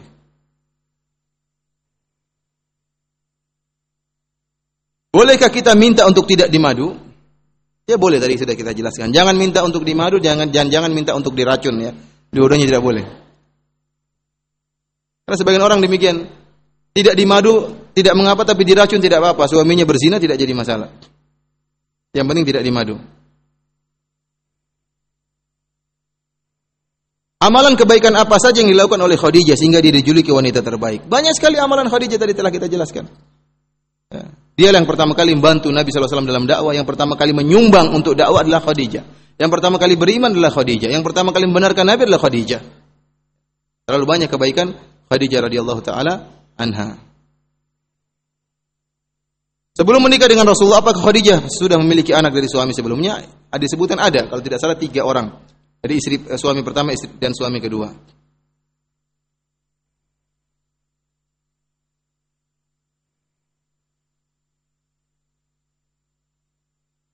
Bagaimana jika ada istri ustadz yang mengeluh kalau sang suami tidak ada waktu mengajarkan agama pada keluarga?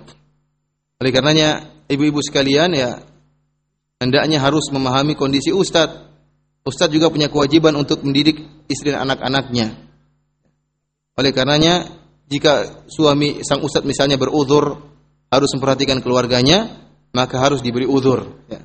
Karena terkadang tadi ustadz terpancing untuk berdakwah di luar, sementara terkadang istrinya tidak diperhatikan atau anaknya tidak diperhatikan. Padahal tanggung jawab kepada istri anaknya lebih. Ku anfusakum wa ahlikum nara. Jagalah diri kalian dan dan keluarga kalian dari neraka jahanam. Oleh karenanya perlu ada waktu yang disisihkan untuk istri dan anak-anak.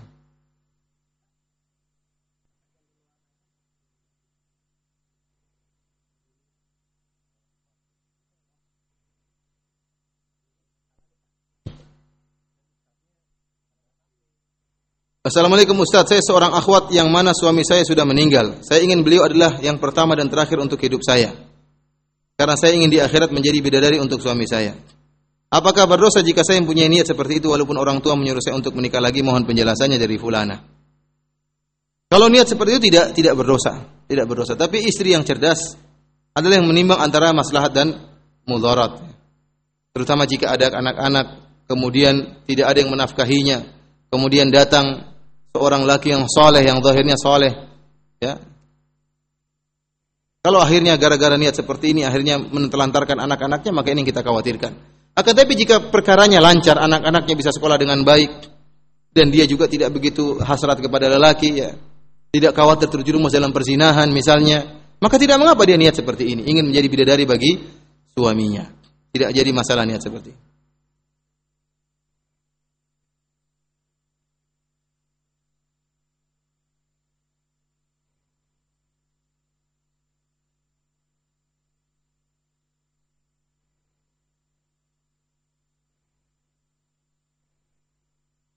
Ustadz mau tanya bagaimana hukum seorang suami yang menikah lagi dengan seorang wanita yang masih dalam proses cerai di pengadilan. Jadi begini, seorang wanita yang dicerai oleh istrinya, eh, seorang istri yang dicerai oleh suaminya, cerai pertama, talak satu, talak dua, dan talak tiga.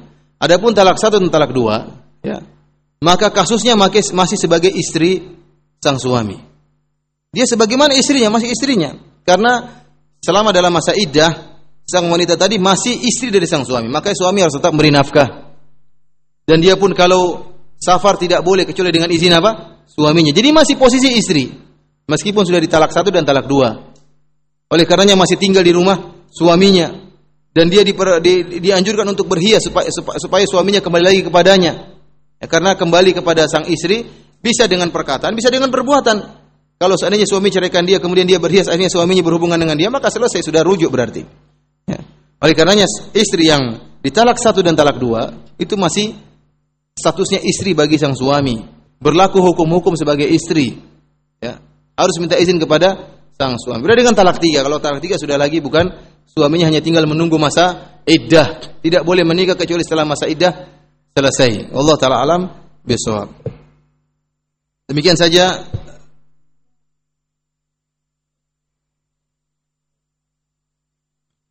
Ini pertanyaan terakhir ya. Ustaz, Anda mau tanya, apakah benar keluarnya seorang istri untuk tolabul ilmi tanpa didampingi mahram hukumnya haram? Padahal Anda berangkat ke sini rombongan majelis taklim. Mohon penjelasannya Ustaz. Jadi kita tahu bahwasanya uh, seorang istri tidak boleh atau seorang wanita secara umum tidak boleh bersafar kecuali dengan mahramnya. Tetapi jika posisi pengajian tersebut tidak mencapai masafah safar, tidak mencapai jarak safar, maka tidak mengapa dia keluar dengan syarat dalam keadaan kondisi aman. Ya. Tidak mengapa dengan izin suaminya ya. Seperti misalnya dia keluar ke supermarket atau dia keluar ke kios di dekat rumah atau kios jaraknya cuma 500 meter. Tidak perlu tidak perlu harus ditemani mahram karena itu bukan jarak safar. Itu bukan jarak safar. Beda kalau tempat pengajiannya ternyata jauh 80 kilo. Maka ini adalah jarak safar. Tidak boleh kecuali dengan ditemani oleh suami. Tidak cukup hanya ditemani dengan teman-teman majelis taklim pengajian. Akan tapi kalau lokasi pengajian ternyata tidak sampai jarak safar, maka yang dibutuhkan adalah izin suami. Izin suami. Tinggal minta izin, kemudian berusaha mencari teman-teman yang bisa aman dalam perjalanan. Kalau ini maka tidak tidak mengapa selama belum jarak safar tidak perlu mahram Allah alam besok. Demikian saja ibu-ibu yang dirahmati Allah Subhanahu wa taala yang bisa saya sampaikan pada kesempatan kali ini. Kurang lebihnya ana mohon maaf. Semoga ya Allah mengampuni dosa-dosa kita dan sebagaimana Allah mudahkan kita untuk berkumpul di masjid yang mulia ini semoga Allah Subhanahu wa taala mudahkan kita untuk berkumpul di akhirat kelak di surga yang dipenuhi dengan rahmat dan kasih sayang Allah Subhanahu wa taala.